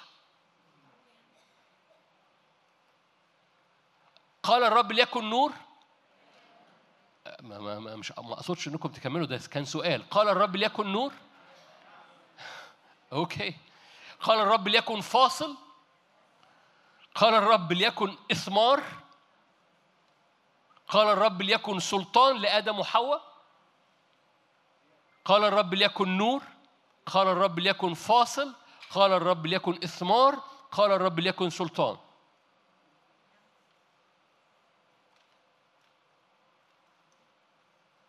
ده ملخص بالمناسبة ال- ال- الست أيام. قال الرب ليكن نور قال الرب ليكن فاصل فصل الرب ما بين مية ومية فصل الرب ما بين النهار والليل مش كده؟ قال الرب ليكن نور قال الرب ليكن فاصل قال الرب ليكن إثمار قال الرب ليكن سلطان لآدم وحواء. أنتوا هنا؟ هو إزاي هتبتدي يومك أو تحب تبتدي يومك إن تقول ليكن نور ليكن فاصل ما بين الضلمة والنور ليكن فاصل ما بين الشر وحياتي ليكن فاصل ما بين مؤامرة إبليس ومؤامرتك على حياتي ليكن إثمار في هذا اليوم وليكن سلطان في كل خطوة بعملها هذه صلوات رسولية من كلمة الرب أنا بديك مثل أنا بدي ده مثال ده مثال ليه؟ لأن ده مثال عملي على مستوى شخصي ده مثال للرب هيديك شواهد زي كده أشعيا اتنين شاهد يتصلى. أشعيا اتنين من يصعد إلى جبل الرب؟ ده شاهد مليان مفاتيح تصليها. والرب هيدي حضرتك وحضرتك من الكتاب المقدس صلوات تصليها لأنها كلمة الرب لن ترجع فارغة بل ستنجح. وهذه الصلوات تقدر تسميها صلوات رسولية. يعني إيه؟ صلاة بمسحة رسولية تطلع ثمر في حياتك. هرجع مرة تاني لتكوين واحد. أرى شعب كل يوم قدام كل مواجهة قدام كل قرار جديد بيعمله يا رب ليكن نور ليكن فاصل ما بين الضلمة والنور وليكن إثمار في كل حاجة بعملها وليكن سلطان باسم الرب يسوع هم. أنتوا جمال هرى لكم شاهد في الحتة دي أيوب أيوب 38 أنا. بعمل إيه النهاردة أو في هذا الاجتماع أنا بعمل أمور عملية أو نقاط عملية. ده مش مشاركة روحية عادية. دي نقاط عملية. غطي الأربع جهات. ليبقى كل شيء قدام وجهه. توقع زيارة. صلي صلوات رسولية. دول أربع نقاط لغاية دلوقتي. دي مفاتيح ل 24 وطالع لسلطانك. بتواجه حاجات تانية بتكسر حاجات تانية. مش هحكي إبليس عايز يعمل إيه في الأزمنة اللي جاية. حكي حاجات عملية أكتر بعد دقايق. بس الأربع جهات دول بيحسموا أمور مقاصد إبليس إنه يشوشرها في الزمن اللي جاي. أنا بدعوك والرب يدعونا نقف في مكان أعلى. وبالتالي هناك صلوات رسولية بتخرج بتحسم. هناك أربع جهات بيتغطوا. هناك فوكس بيحصل. قدام عينيك وهناك زيارات زمان القوة يوم قوتك وزمان حضورك. أيوب 38 آية 12 الرب بيكلم أيوب هل في أي شواهد مشهورة؟ أيوب 38 12 هل في أيامك أمرت الصبح؟ هو هو أنت مدعو أنك تؤمر الصبح؟ يس هل في أيامك أمرت الصبح؟ هل عرفت الفجر موضعه؟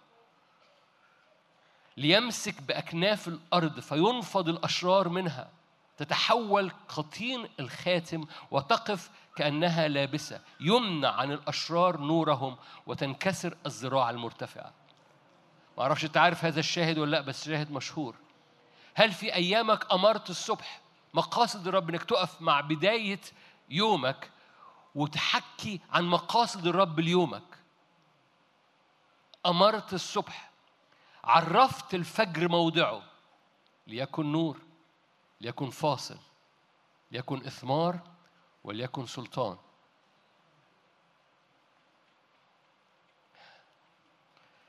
ليمسك بأكناف الأرض فينفض الأشرار منها. كأنه بيمسك أطراف الأرض الأربعة. أكناف الأرض هو أطراف الأرض.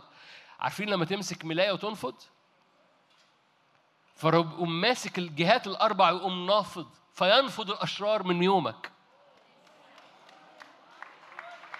إمتى بيعمل كده؟ لما بتأمر الصبح وبتعرف الفجر موضعه.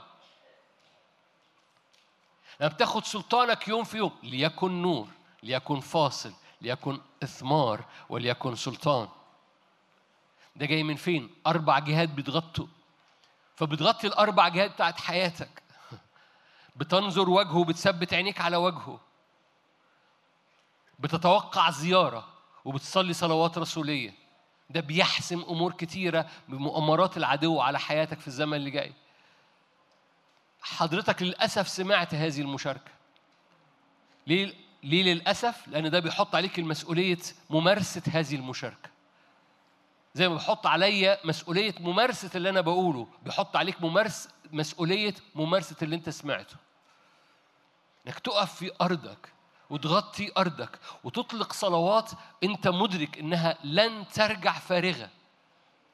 لو أمرت الصبح وعرفت الفجر موضعه لو غطيت أيامك من أولها إلى آخرها بهذا الدم بهذا العهد تمسك بأطراف الأرض الأربع فينفض الأشرار منها. تتحول الأرض كطين الخاتم يعني بتختم على يومك وبتختم على أرضك بختم الدم بختم يسوع بختم الكلمة. تتحول كطين الخاتم وتقف أرضك كأنها لابسة. فجأة شكل أرضك يتغير ويتغطى. منظركم أول مرة تقروا الآية. تقف كأنها لابسة ويمنع عن الأشرار نورهم. Are you here؟ أرواح الشر يمنع عنها النور لأنك أنت وقفت ليكن فاصل ما بين نور وضلمة. لأنك قلت ليكن نور وليكن فاصل وليكن سمر وليكن سلطان. جاء وقت صلوات رسولية تخرج من حضرتك ومن حضرتك. جاء وقت صلوات كتابية وأنت مدرك إن مفيش حاجة تقدر تقف قدامها. وتأمر الصبح في بدايته وتعرف الفجر موضعه ويمنع عن الأشرار نورهم وتنكسر الذراع المتكبرة من على حياتك. هو ده الشاهد. دي صلوات رسولية. دي صلوات بتقف فيها قدام الرب وبتدرك إن كلمة الرب لن ترجع فارغة. فبتصلي صلوات بحسب الكلمة. جاء وقت إنك تفتح الكلمة وتصلي بحسب الكلمة في الزمن اللي جاي. نقطة نمرة خمسة. هما ست نقط فأنا قربت أخلص. هناك أهمية لبيوت الصلاة في كل مكان في المحافظات في خدمتك وفي البلاد. هناك حرب على بيوت الصلاة لأن بيوت الصلاة هو مفتاح النهضة في البلاد وفي المحافظات وفي الأمم. تسمعوا عن بيوت الصلاة؟ هناك أهمية لبيوت الصلاة في الزمن اللي جاي. الأرض بتحفظ من خلال بيوت الصلاة. إبليس متغاظ من بيوت الصلاة.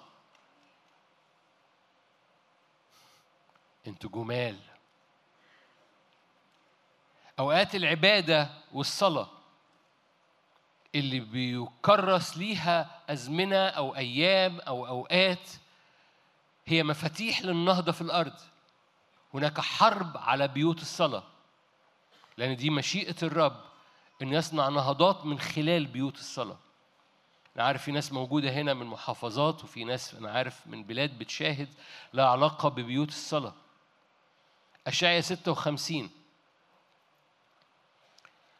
لا يقول لا يقل الخصي ها أنا شجرة يابسة. هكذا قال الرب للخصيان الذين يحفظون ثبوتي ويختارون ما يسرني ويتمسكون بعهدي. دي آية أربعة.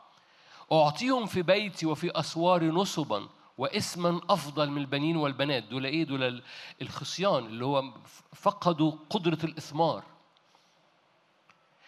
أول ما اللي فقدوا قدرة الإثمار بيتواجدوا في بيت الرب بيعطيهم الرب نصبا واسما أفضل من البنين والبنات. أعطيهم اسما أبديا لا ينقطع. آية ستة أبناء الغريب الذين يقترنون بالرب ليخدموه وليحبوا اسم الرب. ليكونوا له عبيدا كل الذين يحفظون السبت لئلا ينجسوه ويتمسكون بعهدي آتي بهم إلى جبل قدسي أفرحهم في بيت صلاتي محرقاتهم وذبائحهم مقبولة على مذبحي لأن بيتي بيتي إيه؟ بيتي بيت صلاة عندكم بيت صلاة في الخدمة؟ عندكم بيت صلاة في المحافظة؟ عندكم بيت صلاة في الأمة؟ بيتي بيت صلاة لكل الشعوب يقول السيد. حتى الغريب أبناء الغريب أنا برجع الآية ستة. أبناء الغريب الذين يقترنون بالرب ليخدموه وليحبوا اسم الرب. حتى أبناء الغريب آتي بهم إلى جبل قدسي وأفرحهم في بيت صلاتي.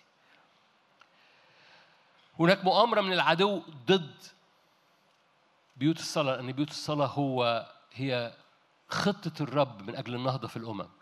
وهو من الرب عايز يبدر بيوت صلاة أكتر وأكتر خلال الزمن اللي جاي. وعايز يملى بيوت الصلاة من حضوره بطريقة غير عادية.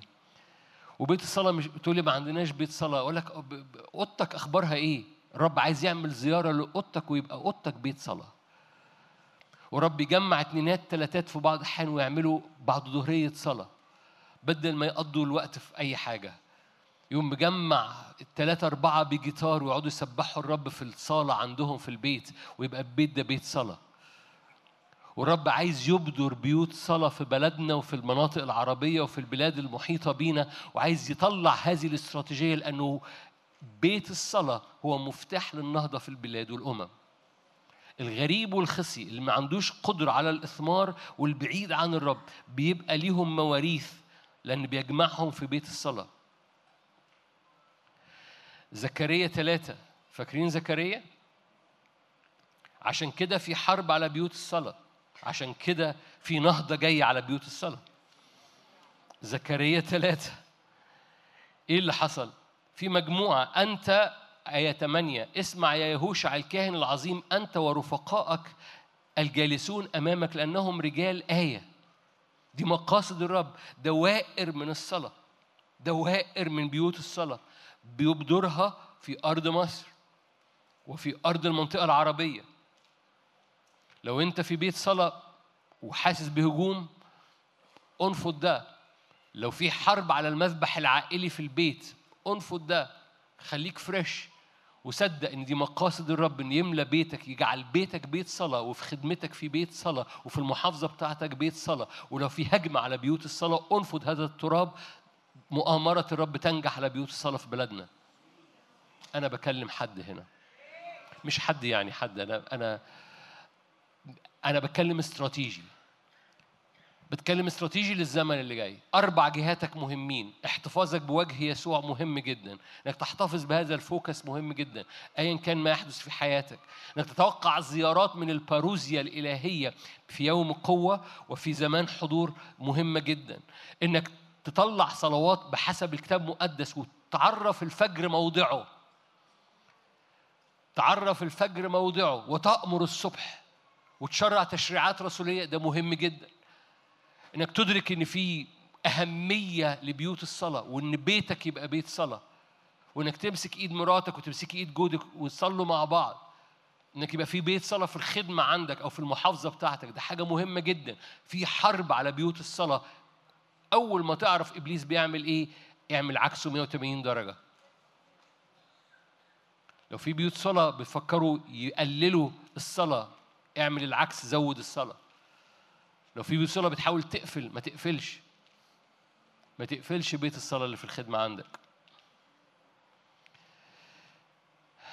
أنا قلت زكريا ما خلصتش زكريا ثلاثة آية 8 قال كده أنت ورفقائك الجالسون أمامك رجال آية. يعني رجال بعمل فيهم معجزة.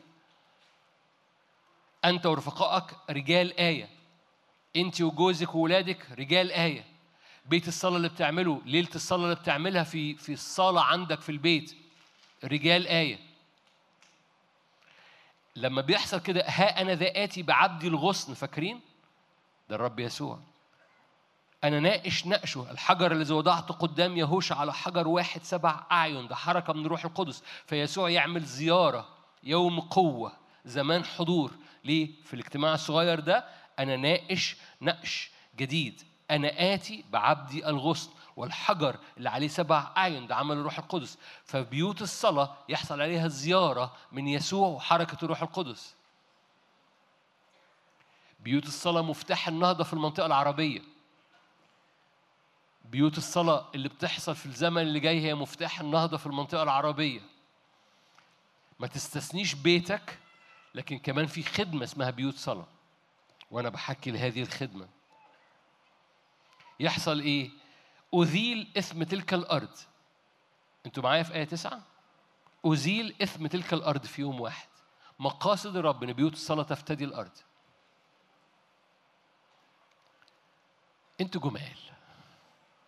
دي أخبار مشجعة بالمناسبة. آخر نقطة.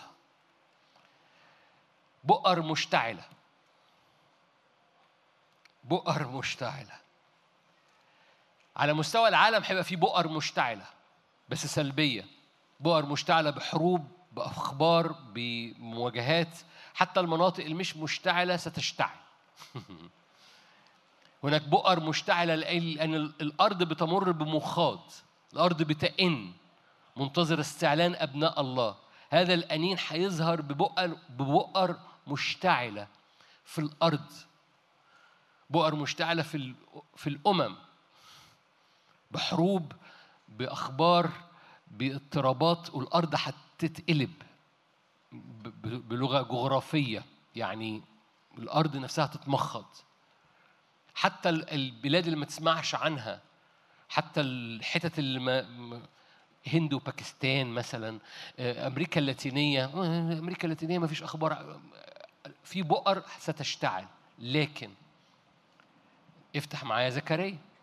فاكرين زكريا؟ زكريا 12 في المقابل في بؤر مشتعلة من النهضة. في بؤر مشتعلة هتملى محافظات بلاد كتيرة. مش بس محافظات مصر. في ناس هنا من محافظات مصر ارفعوا ايديكم. بؤر مشتعلة في كل محافظة لأن بيوت صلاة في كل محافظة. بؤر مشتعلة. زكريا 12 آيات مشهورة آية 6 في ذلك اليوم أجعل أمراء يهوذا كمصباح نار بين الحطب كمشعل نار بين الحزم. فيصنعون حرائق يأكلون كل الشعوب حولهم. في ذلك اليوم آية 8 يستر الرب سكان أورشليم فيكون العاثر منهم مثل داوود وبيت داوود مثل الله مثل ملاك الرب أمامهم.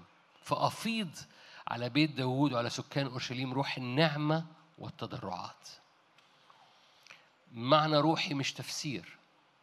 مقاصد الرب إن أولاد الرب مليانين من نار روح القدس يصنعون بؤر مشتعلة أينما ذهبوا. والرب يبدر هذه النهضة في كل منطقة أولاد الرب يروحوها. العالم هيعمل بؤر مشتعلة بس أولاد الرب هيعملوا بؤر مشتعلة. ما تروحش مكان من غير ما ترى هذا المشهد. الرب عايز يصنع لهيب وشعلة نار والرب عشان كده بيطلع جيل متحرك. بس خلي بالك قال كده أمراء يهوذا. ده بيشمل جيل عنده سرعة الحركة. وخلي بالك الجيل الجيل الشباب عنده هذه الإمكانية. بس كمان حتى اللي تقدموا في الأيام بس مليانين بالرؤية عندهم الإمكانية أن يصنعوا نهضات أينما ذهبوا. أمراء يهوذا كمشاعل من نار بين الحطب كمصباح نار بين الحطب فيشعلون كمشعل نار بين الحز... الحزم فأينما ذهبوا هناك بؤر مشتعلة ستزداد في الأرض خلال الزمن اللي جاي. ولما ترى بؤر مشتعلة من حروب أو من مجاعات أو من كوارث اعرف علاج الرب بؤر مشتعلة من النهضة من خلالك. لما تسمع عن بؤر مشتعلة بتحصل في أماكن اعرف علاج الرب هو بؤر مشتعلة من كنيسة الرب. أول ما تسمع عن أخبار في شغل اعرف إن ده وقت نهضة في الشغل اللي أنت سمعت عنه أخبار سلبية. أول ما تسمع عن أخبار إنه بيسرحوا ناس من الشغل بتاعك اعرف إن ده زمن نهضة في الشغل بتاعك من خلالك. أينما وجدت بؤرة مشتعلة من العالم اعرف علاجها بؤرة مشتعلة من الرب. أينما ذهبت بؤرة مشتعلة من الرب على كل منطقة بتمر بيها وتحس إن فيها مواجهة بؤرة مشتعلة من العالم.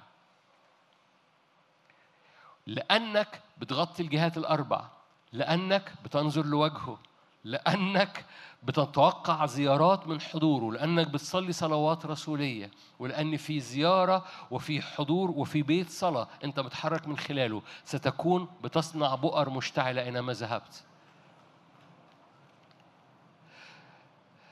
مصر هتستمر تخترق وراء الرب في النعمة لأن في كنيسة في أرض مصر بتحفظ بملح أرض مصر في الدعوة بتاعتها.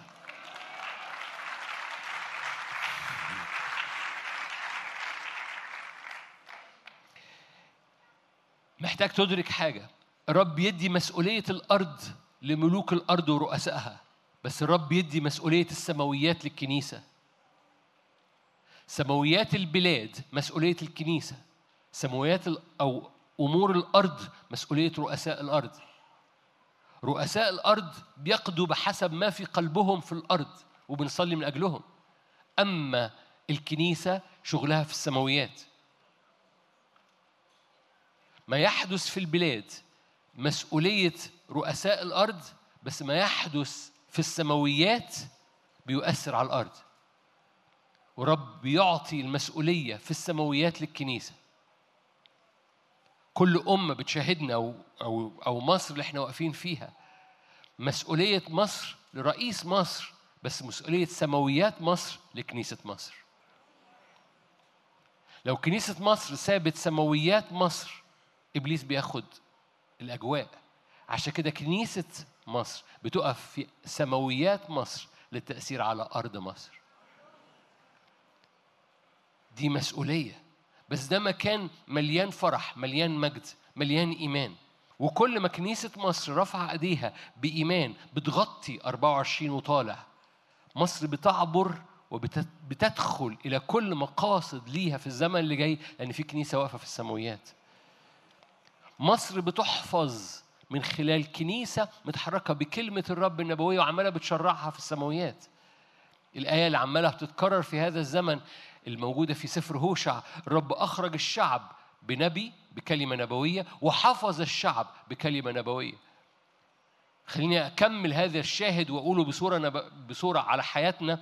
الرب أخرجك بكلمته النبوية بيحفظك في المسير بكلماته النبوية وبيدخلك إلى أرض امتلاك بكلماته النبوية.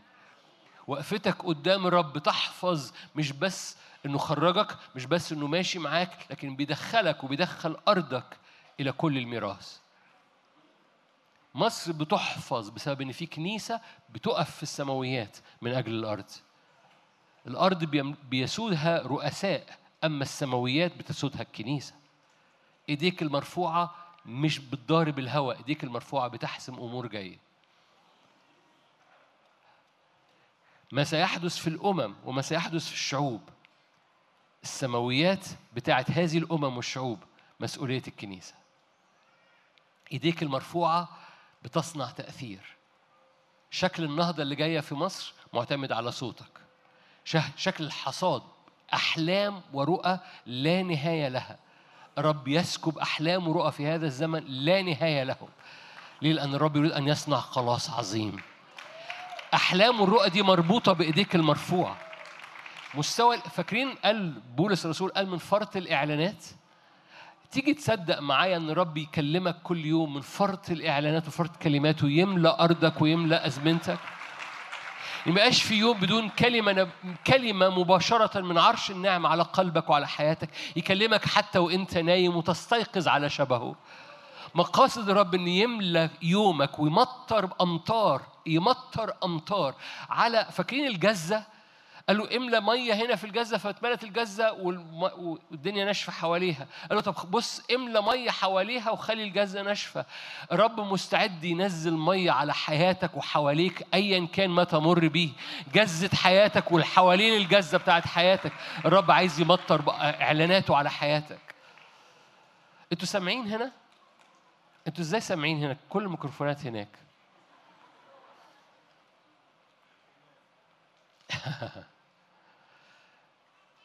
الرب يريد أن يمطر أمطار حضوره وأمطار نهضته على كل حاجة حواليك وكل حاجة فيك. أمطار إعلانه وأمطار كلماته النبوية تزداد في أرضك باسم الرب يسوع. ست استراتيجيات بساط. أول حاجة غطي الأربع جهات. وارجع للشواهد وصليهم وشرعهم. دي النقطة نمرة أربعة بس.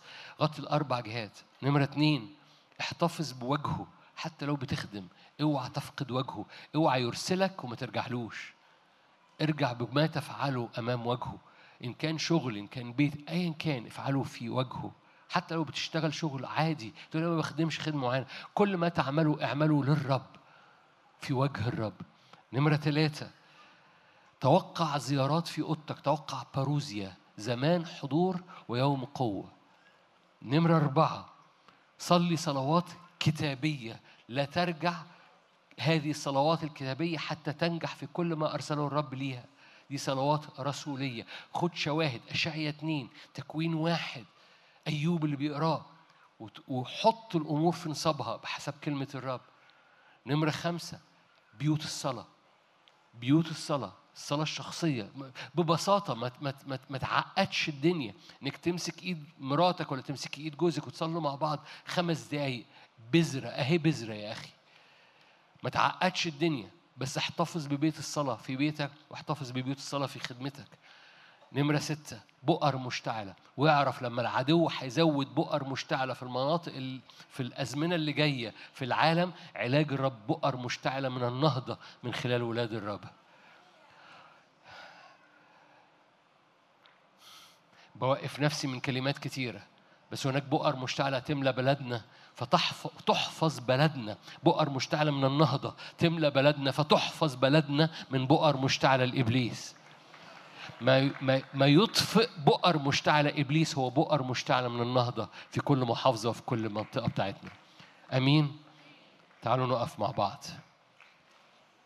قبل ما نختم عشان لو هتخرج هناك احتفال إحنا عندنا احتفال تاني لرأس السنة بس احتفال اجتماع الشباب. يوم الحد يوم الحد 24 الساعة 5 يوم الح... النهارده إيه؟ النهارده الجمعة. يوم الحد 24 هنا في دير الفرانسيسكان الساعة 5 يوم الحد 24 النهارده إيه؟ مش الحد اللي جاي اللي وراه. ده اجتماع الشباب. احتفال رأس السنة بتاع اجتماع الشباب هنا في دير الفرانسيسكان أمين؟ خلونا نقف مع بعض ونعيد مع بعض. كل سنة وأنتم طيبين.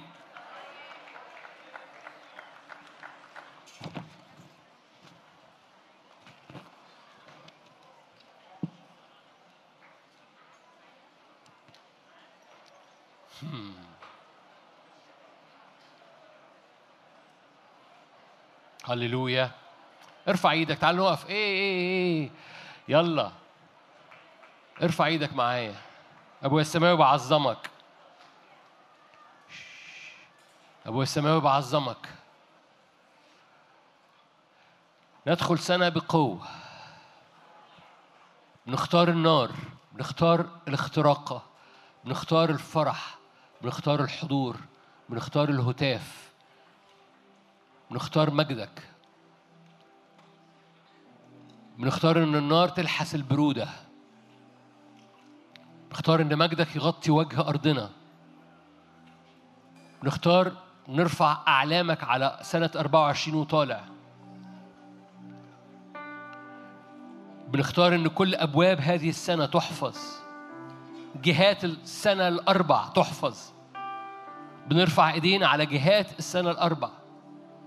الشرق الغرب الشمال والجنوب.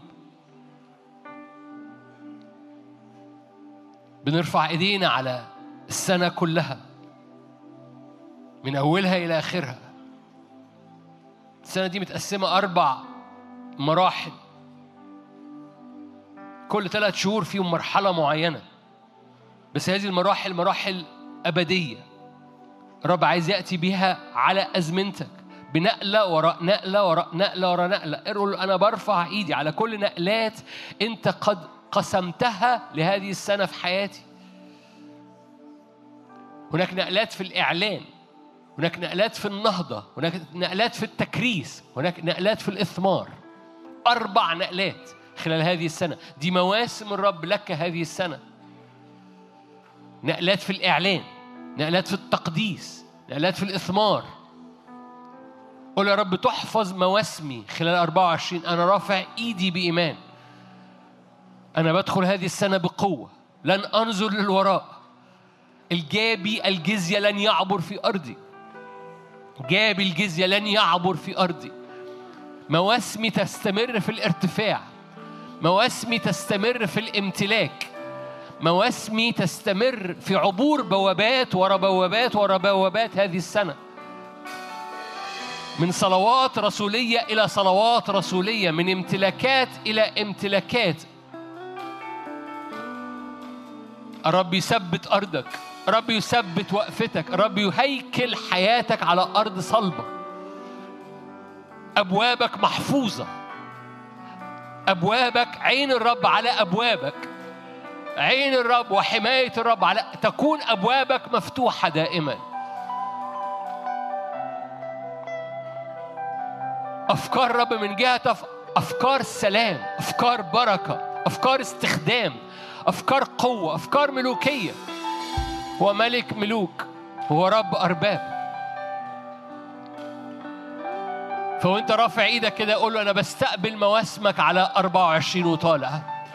بستقبل مواسم الخير مواسم ال- البركة مواسم الاستخدام مواسم الحضور. بستقبل يوم قوتك وزمان حضورك بستقبل مجيئك لكي أعاين عظمتك. بستقبل زيارات في بيتي بستقبل زيارات في خدمتي بستقبل زيارات في أبوابي. أنا رافع إيدي بإيمان. أنت اللي رافع إيدك. أنا رافع إيدي بإيمان. كل موسم في هذه السنة يحفظ يحفظ يحفظ لك الرب أسابيع الحصاد المفروضة. أسابيع إثمار. فوأنت رافع إيدك قول يكن نور ليكن فاصل ما بيني وما بين الشر ليكن إثمار وليكن سلطان. ليكن نور ليكن فاصل ليكن إثمار وليكن سلطان. على كل أيامي على كل أزمنتي على كل مواسمي على كل 24 مرة تاني ليكن نور ليكن فاصل ليكن إثمار ليكن سلطان. هللويا. من موسم إلى موسم. من موسم إلى موسم. من شهر إلى شهر. من موسم إلى موسم من شهر إلى شهر. معلش مرة كمان. دي صلوات رسولية. دي اللي إحنا بنعمله ده دي صلوات رسولية. إيه اللي خلاها رسولية؟ لأنها كتابية. فمرة تاني ارفع إيدك. ليكن نور على 24 ليكن فاصل بعيد عن أرواح الشر في 24 ليكن إثمار في 24 ليكن ليكن سلطان في 24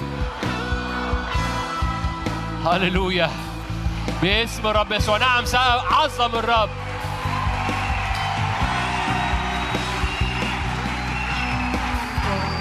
ليكن نور ليكن فاصل ليكن إثمار ليكن سلطان.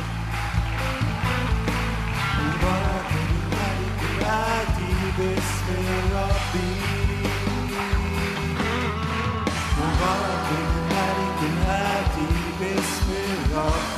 الملك فاروزيا زيارة.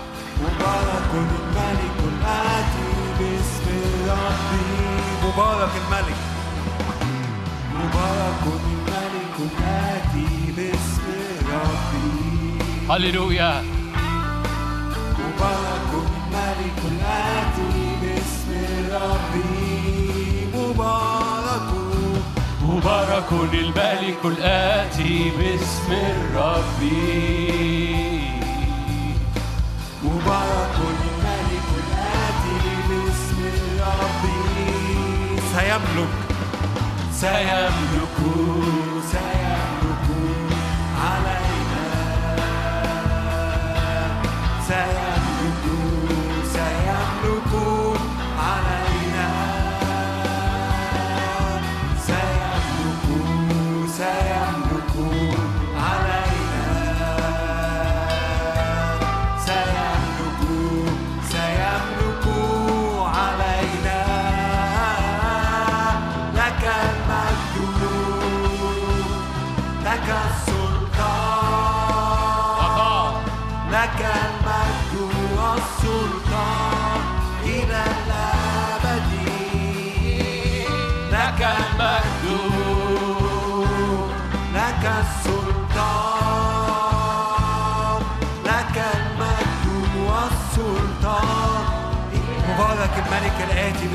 الرب. مبارك الملك الآتي باسم الرب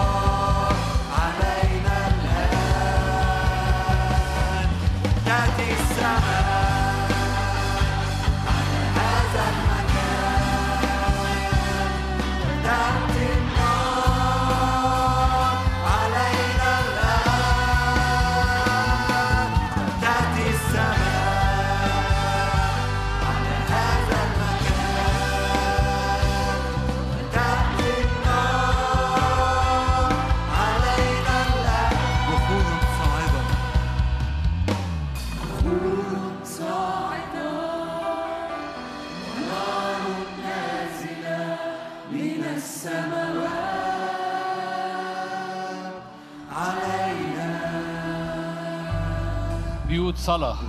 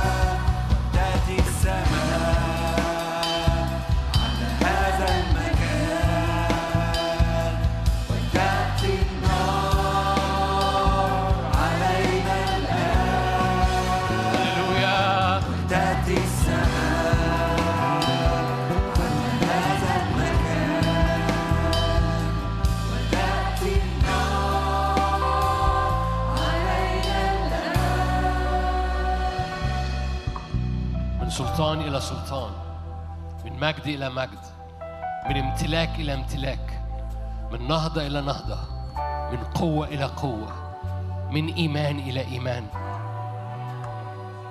قال الآب للابن مجدت لكن أمجد أيضا. مجد البيت الأخير أعظم. لا تطرح ثقتك. من جهات الأربع الرب يحيط بيك. اسمه يحيط بيك. قرون الفدا قرون المسبح تحيط بيك. الأربع أوجه للروح القدس تحيط بيك. الأسد والنسر الثور والإنسان. أربع أنهار عدن تحيط بيك. أنت محاصر بحضور ربنا. لو أنت بتعلن بتطلب بتصلي باستراتيجية حضور الرب الذي يحيط بيك من كل جهة. ارفع إيدك. من غير ما من غير ما نتدور. وانت واقف كده اعرف من الجهات الأربع. الرب يحيط بيك باسمه الرب يحيط بيك بكلماته الرب يحيط بيك بحركة من الروح القدس. أينما التفت أينما التفت وجهه يحيط بيك. أين تهرب من وجهه؟ من روحه أين تذهب؟ يحيط بيك من كل جهة. فلا تخاف من الأزمنة اللي جاية. وجهه يحيط من كل جهة. وجهه يحيط بيك من كل جهة. حضوره اسمه أنهاره. فدائما ثبت عينك على وجهه. هللويا. أراضي بقيت للامتلاك. أراضي بقيت للامتلاك. وجهه يضيء على أرضك. باسم الرب يسوع. هللويا.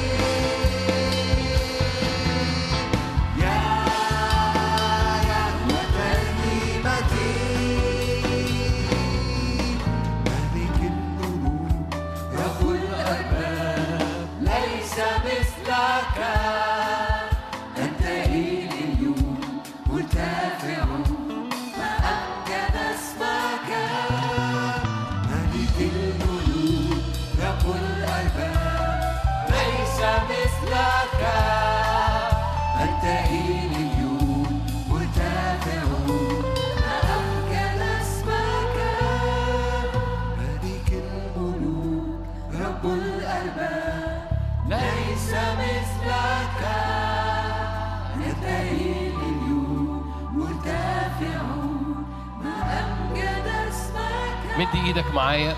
مد إيدك. قول له استخدمني. اشعل حرائق نهضة. أصنع مناطق مشتعلة أينما ذهبت. أمراء يهوذا كمشاعل من نار بين الحطب. أبدر نهضتك في بلادنا. أبدر نهضتك في كل بلاد محيطة بينا. على حدود بلدنا. على كل بلاد محيطة بينا. نطلب نهضة. نطلب سكيب ناري. رش دمك اسكب نيرانك وحضورك على بلادنا وعلى المنطقة باسم الرب يسوع. خلاص. وعلاج لكل أمور بتحصل في الأرض. حضورك. أليس بحضورك يا رب؟ يبرأ اسم الأرض في ليلة واحدة. يبرأ اسم تلك الأرض بسبب إيدين مرفوعة ونار بتنسكب باسم الرب يسوع. حضورك يا رب يبرق أراضينا. نهضة في كل نهضة في كل بيت نهضة في كل منطقة نهضة في كل محافظة. باسم الرب يسوع. ثبت إيديك مرفوعة معايا. على تخوم بلدنا سور حضورك. على مناطقنا وعلى المنطقة العربية سور حضورك. المشهد اللي ماليني مشهد يسوع اللي في السفينة اللي بيقول لعدو الخير أسكت ابكم. دي صلوة رسولية. أسكت ابكم. أسكت ابكم. أي هيجان لعدو الخير على على بلاد على مناطق. شعب الرب في كل منطقة عنده صلوة يصليها عنده تشريع يشرعه قدام إبليس. أسكت ابكم. أسكت ابكم. كل هيجان للعدو اسكت ابكم.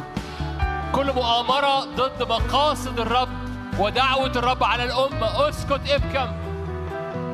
أي مؤامرة ضد دعوة الرب لمصر اسكت ابكم.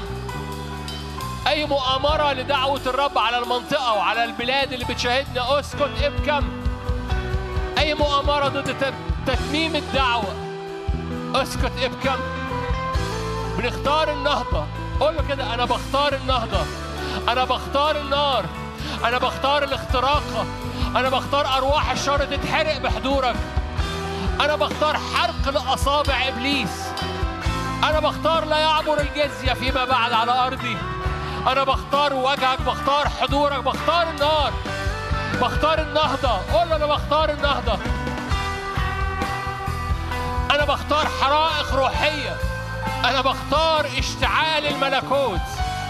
أنا بختار آيات وعجائب أنا بختار نار بتفك السلاسل. بتفك السلاسل. أنا بختار حرية من أرواح الشر. أنا بختار. أنا بختار كهنوت ملوكي. أنا بختار نار إلى الآخر. رب قال كده أنا جئت لألقي نار ولا أريد إلا إضرامها نهضة ولا أريد إلا إضرامها إحنا بنزق مع بعض بنزق مع بعض. نهضة ولا أريد إلا إضرامها باسم رب يسوع أنا بختار أنا بختار على حياتي وعلى بيتي وعلى أولادي. نهضة باسم رب يسوع؟ نار تلحس البرودة نار تلحس التراب نار تلحس المياه. نار على كل ذبيحة مرفوعة. باسم رب يسوع. نار على كل بيوت صلاة. نار على كل اجتماعات نارية وراء الرب تختار النهضة. قول له أنا بختار نارك بختار حضورك بختار مجدك باسم رب يسوع. هللويا. هللويا باسم رب يسوع. النار اللي نازلة بتلحس كل برودة. لن ترجح برودة العالم. بنختار النهضة بنختار حضورك يا رب في بلادنا. باسم الرب يسوع. لا لا لا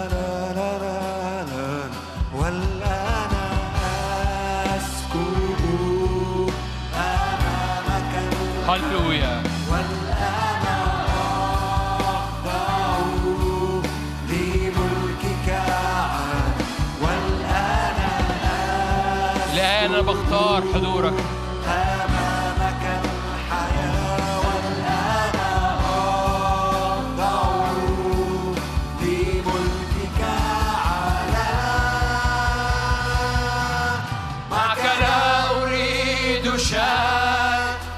أنت كل مشتهى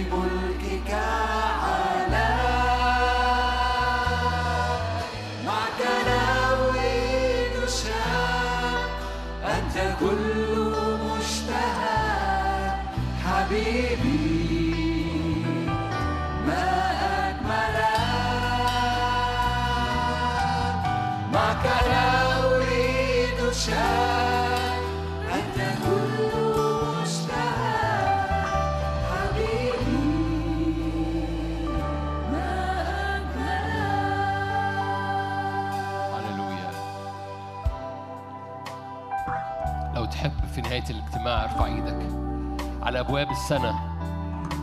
حضورك على أبواب السنة. عهدك على أبواب السنة. مجدك يغطي. تحيطنا من كل جهة. وجهك يحيطنا من كل جهة. نيرانك تحيطنا من كل جهة. يرفع الرب وجهه. هنرنم الترنيمة دي. يرفع الرب وجهه عليك. يمنحك سلاما. يضيء الرب وجهه عليك ويحفظك. تصير أبوابك محفوظة. نسلك ونسل نسلك. يحيط الرب بك من كل جهة.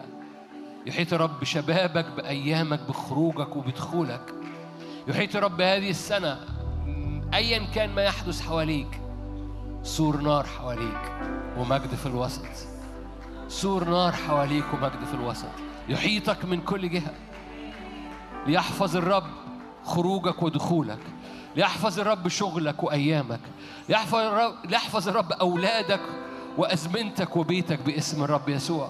ليطلق الرب دعوتك وثمرك وخدمتك إلى اليمين وإلى اليسار وتمتد وتمتد ثمرك ويمتد ثمر يديك إلى أقصى الأرض باسم الرب يسوع. يضع الرب يده على صحتك يضع الرب يده على ذهنك وعلى عينيك. يضع الرب يده على أبوابك وعلى الثمر اللي جاي من أبوابك. يضع الرب يده بالبركة وبالنعمة. ولا يجعلك إلا مثمرا ولا يجعلك إلا فرحا ولا يجعلك إلا محاط بالبركة من كل جهة. يضع الرب يده عليك. فلا تكون إلا مثمرا. لا تكون إلا مثمرا. في كل عمل يديك في كل عمل يديك. باسم الرب يسوع. بركة حضور وبركة يده تحيط بيك.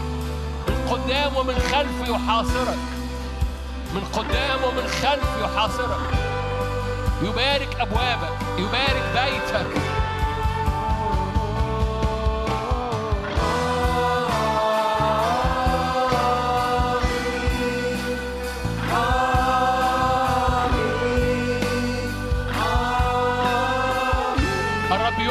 أرضك ويرى أرضك. الرب يرى في أرضك ويرى أرضك. الرب يرى في أرضك ويرى أرضك. الرب يحيط بأرضك بح- بحمايته برعايته بحفاظه. عيناه لا تفارق أرضك. عيناه لا تفارق بيتك. استقبل من الرب. لأن الرب يبارك خروجك ودخولك معجنك وأيامك وثمر يديك. الرب يبارك أهل بيتك. الرب يبارك كل عمل يديك. باسم رب يسوع. تكون مثمرا من كل جهة.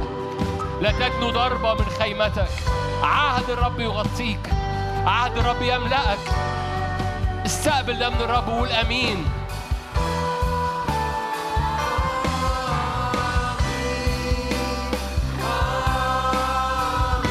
يحفظ الرب صحتك. يحفظ الرب ثمرك.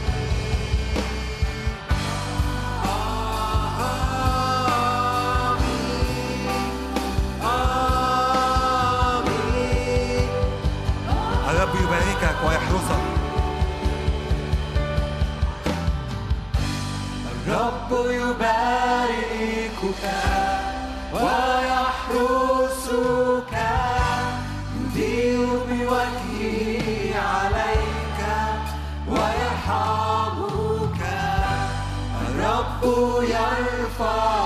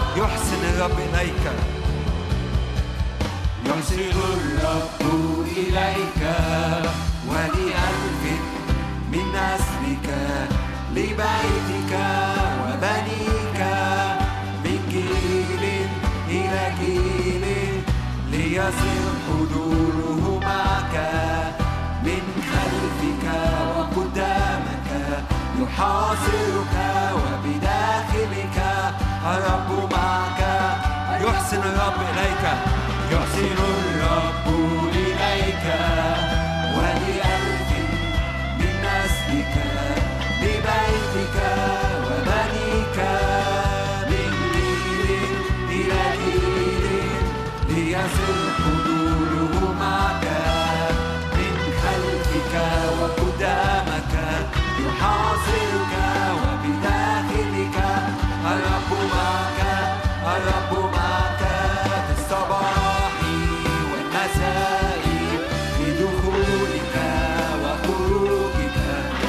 حزنك وفي فرحك.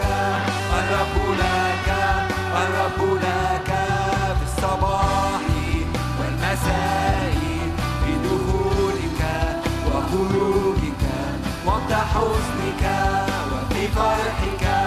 الرب لك الرب لك الرب لك الرب لك الرب لك الرب لك الرب لك.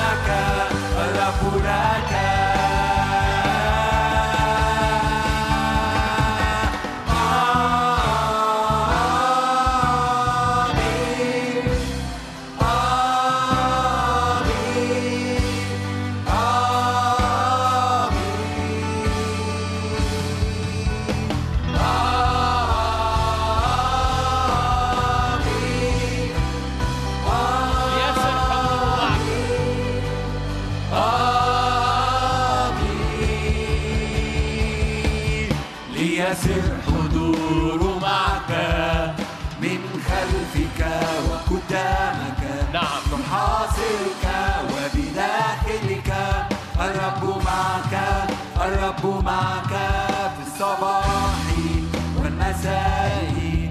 دخولك وخروجك وقت حزنك وفي فرحك الرب لك ليسر حضوره ليسر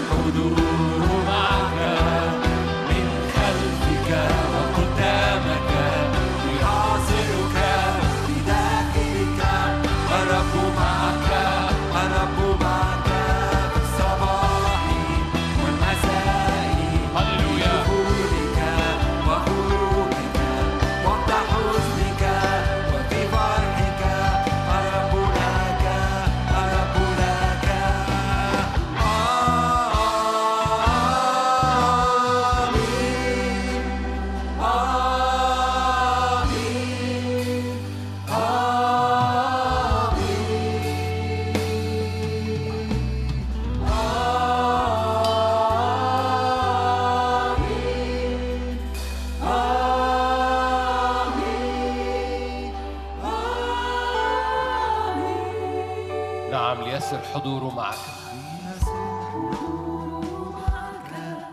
من خلفك وقدامك يحاصرك وبداخلك الرب معك. ليسر حضوره. معك. ليسر حضور معك. من خلفك وقدامك يحاصرك وبداخلك الرب معك. ليسر حضوره مرة تاني ليسر حضوره معك من خلفك وقدامك. أنا بصلي ده لحياتك يحاصرك وبداخلك. الرب معك الرب معك. الصباح والمساء. الصباح والمساء في دخولك وخروجك وقت حزنك وفي فرحك. الرب لك الرب لك ليسر حضوره معك. من خلفك وقدامك يحاصرك وبداخلك. الرب معك الرب معك الصباح والمساء في دخولك وخروجك وقت حزنك وفي فرحك. الرب لك الرب لك. لو تحب ارفع إيدك وارفع وجهك ليه. أغلى حاجة في حياتك أن ترى وجهه يبتسم ويناديك باسمك. ابني بنتي. دور لمريم لها يا مريم. في الحال. ارفع وجهك ليه يضيء بوجهه عليك. يمنحك سلاما. يرفع وجهه عليك. ويرحمك.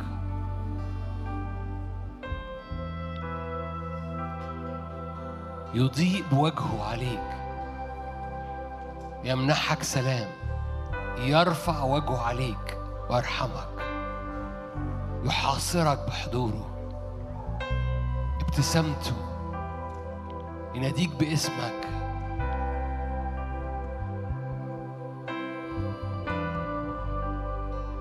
ليغطي وجهك. الأزمنة اللي جاية. ليغطي وجهك. كل بيت هنا وكل كنيسة هنا وكل خادم هنا. ليغطي وجهك كل أمة بتشاهد. ليغطي وجهك وحضورك كنيستك وعروستك. ليغطي وجهك واسمك ونعمتك كل جوانب حياتنا حتى أطراف الثياب حتى أطراف الأرض. من كل جهة ليحاصرنا مراحمك وحضورك ونعمتك. إن لم يسعد وجهك لأن بدون وجهك بدون حضورك لن نتحرك. ليصعد وجهك عمود نارك وحضورك قدامنا في 24 ليكون وجهك وحضورك بتحرك قدام كل واحد وواحدة في 24 قدام كل أسرة قدام كل خادم وخادمة قدام كل كنيسة. افتدي الأرض تحت رجلينا. اصنع نهضتك في كل منطقة. حصاد ومجد في العروس. مجد العروس يملى المكان. مجد العروس يملى الكنيسة. مجد العروس يملى الكنيسة كنيسة بهية. عروس بهية. مليانة فرح مليانة إيمان مليانة سلطان مليانة أنوار مليانة أعلام مليانة مجد. عروس بهية. عروس غالبة. مستندة على ذراع حبيبها. عروس مليانة أعمدة مسحة. أعمدة حضور أعمدة مجد أعمدة حضورك. عروس بهية. أنا رافع إيدي من أجل كل محافظة رافع إيدي من أجل كل كنيسة وكل خدمة. رافع إيدي من أجل كل خادم وخادمة. يمتلئ مجد حضورك عروسك البهية. تلاحظ من كل جهة. يضيء الرب وجهه عليك ويمنحك سلاما. يرفع الرب وجهه عليك ويرحمك. يحيطك من كل جهة يدخلك أراضي امتلاك جديدة على حساب عماليق على حساب كل مؤامرة لإبليس. دخلك أراضي امتلاك جديدة. ترقيات ترقيات ترقيات بالروح القدس باسم الرب يسوع. ترقيات بالروح القدس باسم الرب يسوع. ندخل 24 بإيمان وبفرح باسم الرب يسوع. ندخل أبوابه بفرح دياره بالتسبيح. ندخل أراضي جديدة بصوت هتاف وبصوت البوق. ندخل أراضي جديدة بنار حضوره. يتقدمك يتقدمك بنار حضوره. فتمتلك أراضي جديدة باسم الرب يسوع. ما أمجد اسمك يا رب. قدم تسقيفك للرب قدم حمدك للرب الآن. باسم الرب يسوع. سألت منك أن أسكن هيكل قدسك واحدة سألت منك أن أسكن في هيكل قدسك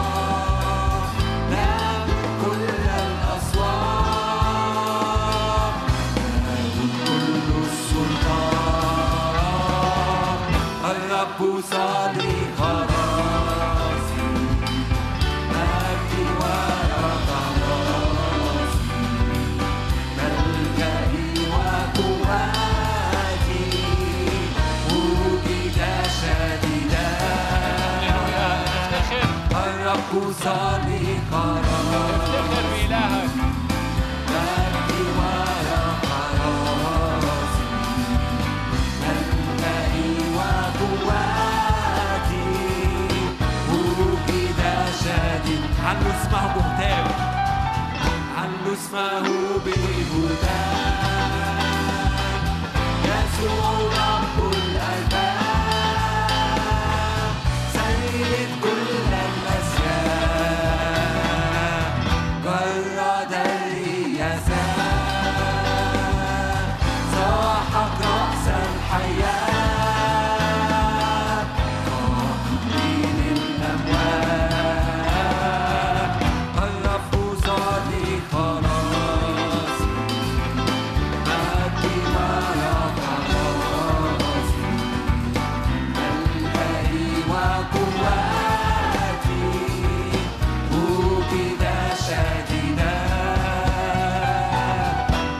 不走。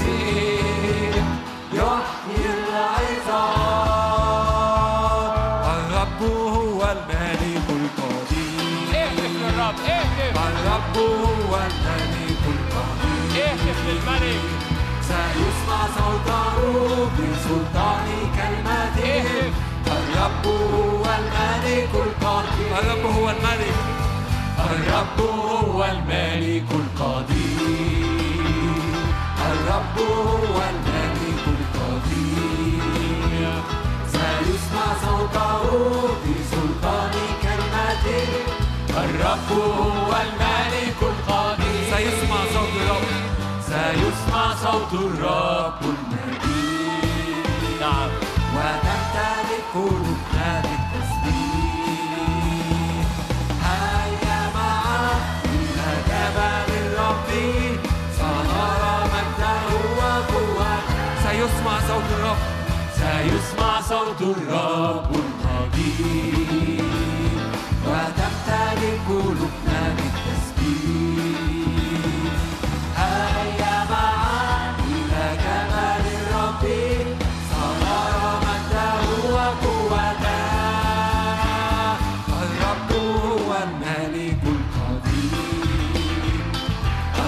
هو الملك القدير سيسمع صوته بسلطان كلمته.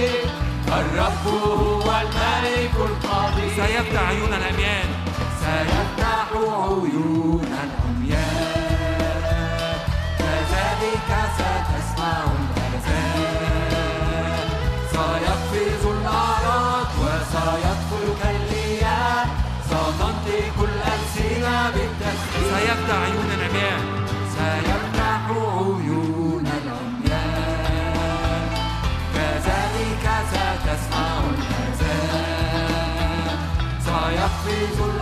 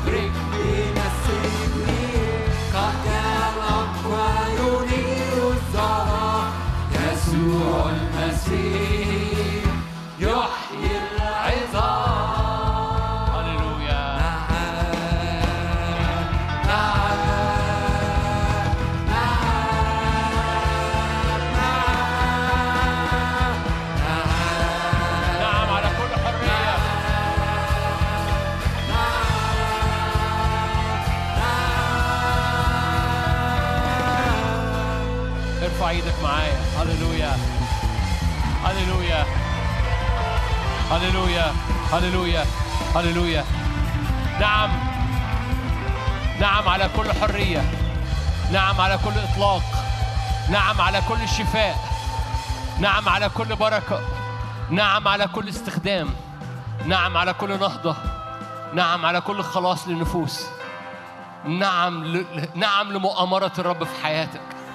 لا لمؤامرة إبليس. لا لاستمرار اللعنة. نعم لفتح الأبواب. نعم لكسر القيود. نعم للحرية من كل سلاسل. نعم للاستخدام.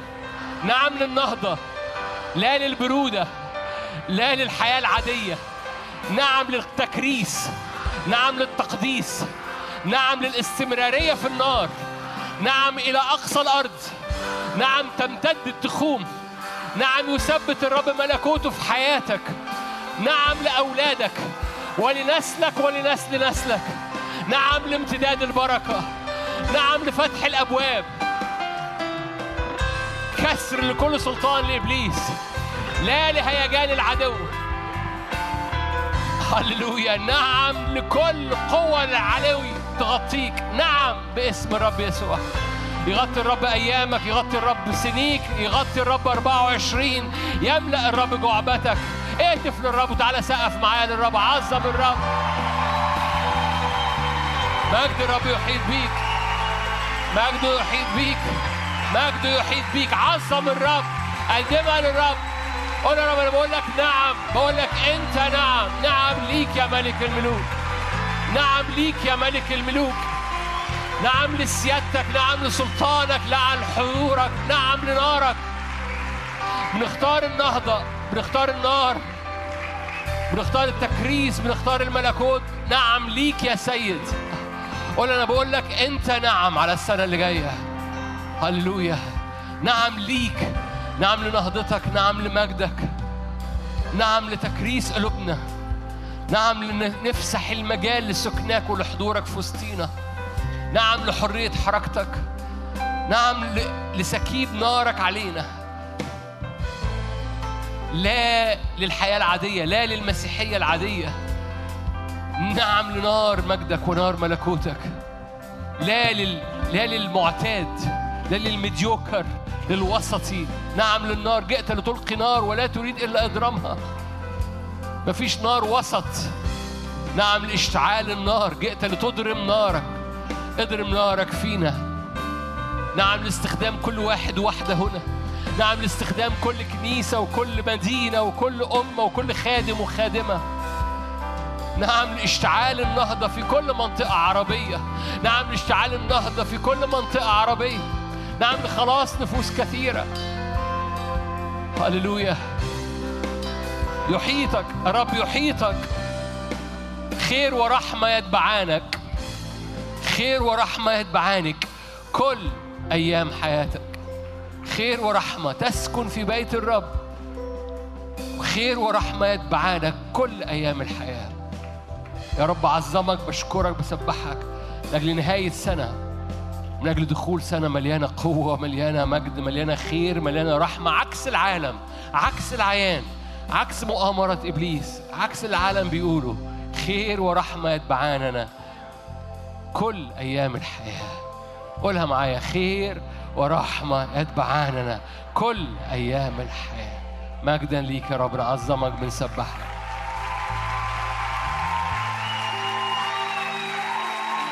هللويا. من يفتخر فليفتخر بالرب كل سنة وأنتم طيبين. تروحوا في ملء البركة. اللي جايين من المحافظات يروحوا في ملء البركة. اللي معانا من أمم كثيرة في ملء البركة. كل سنة وأنتم طيبين. أراكم في ملء البركة في السبت والأربع اللي بعد اللي في يناير باسم يسوع. ربنا معاكم. ملء البركة.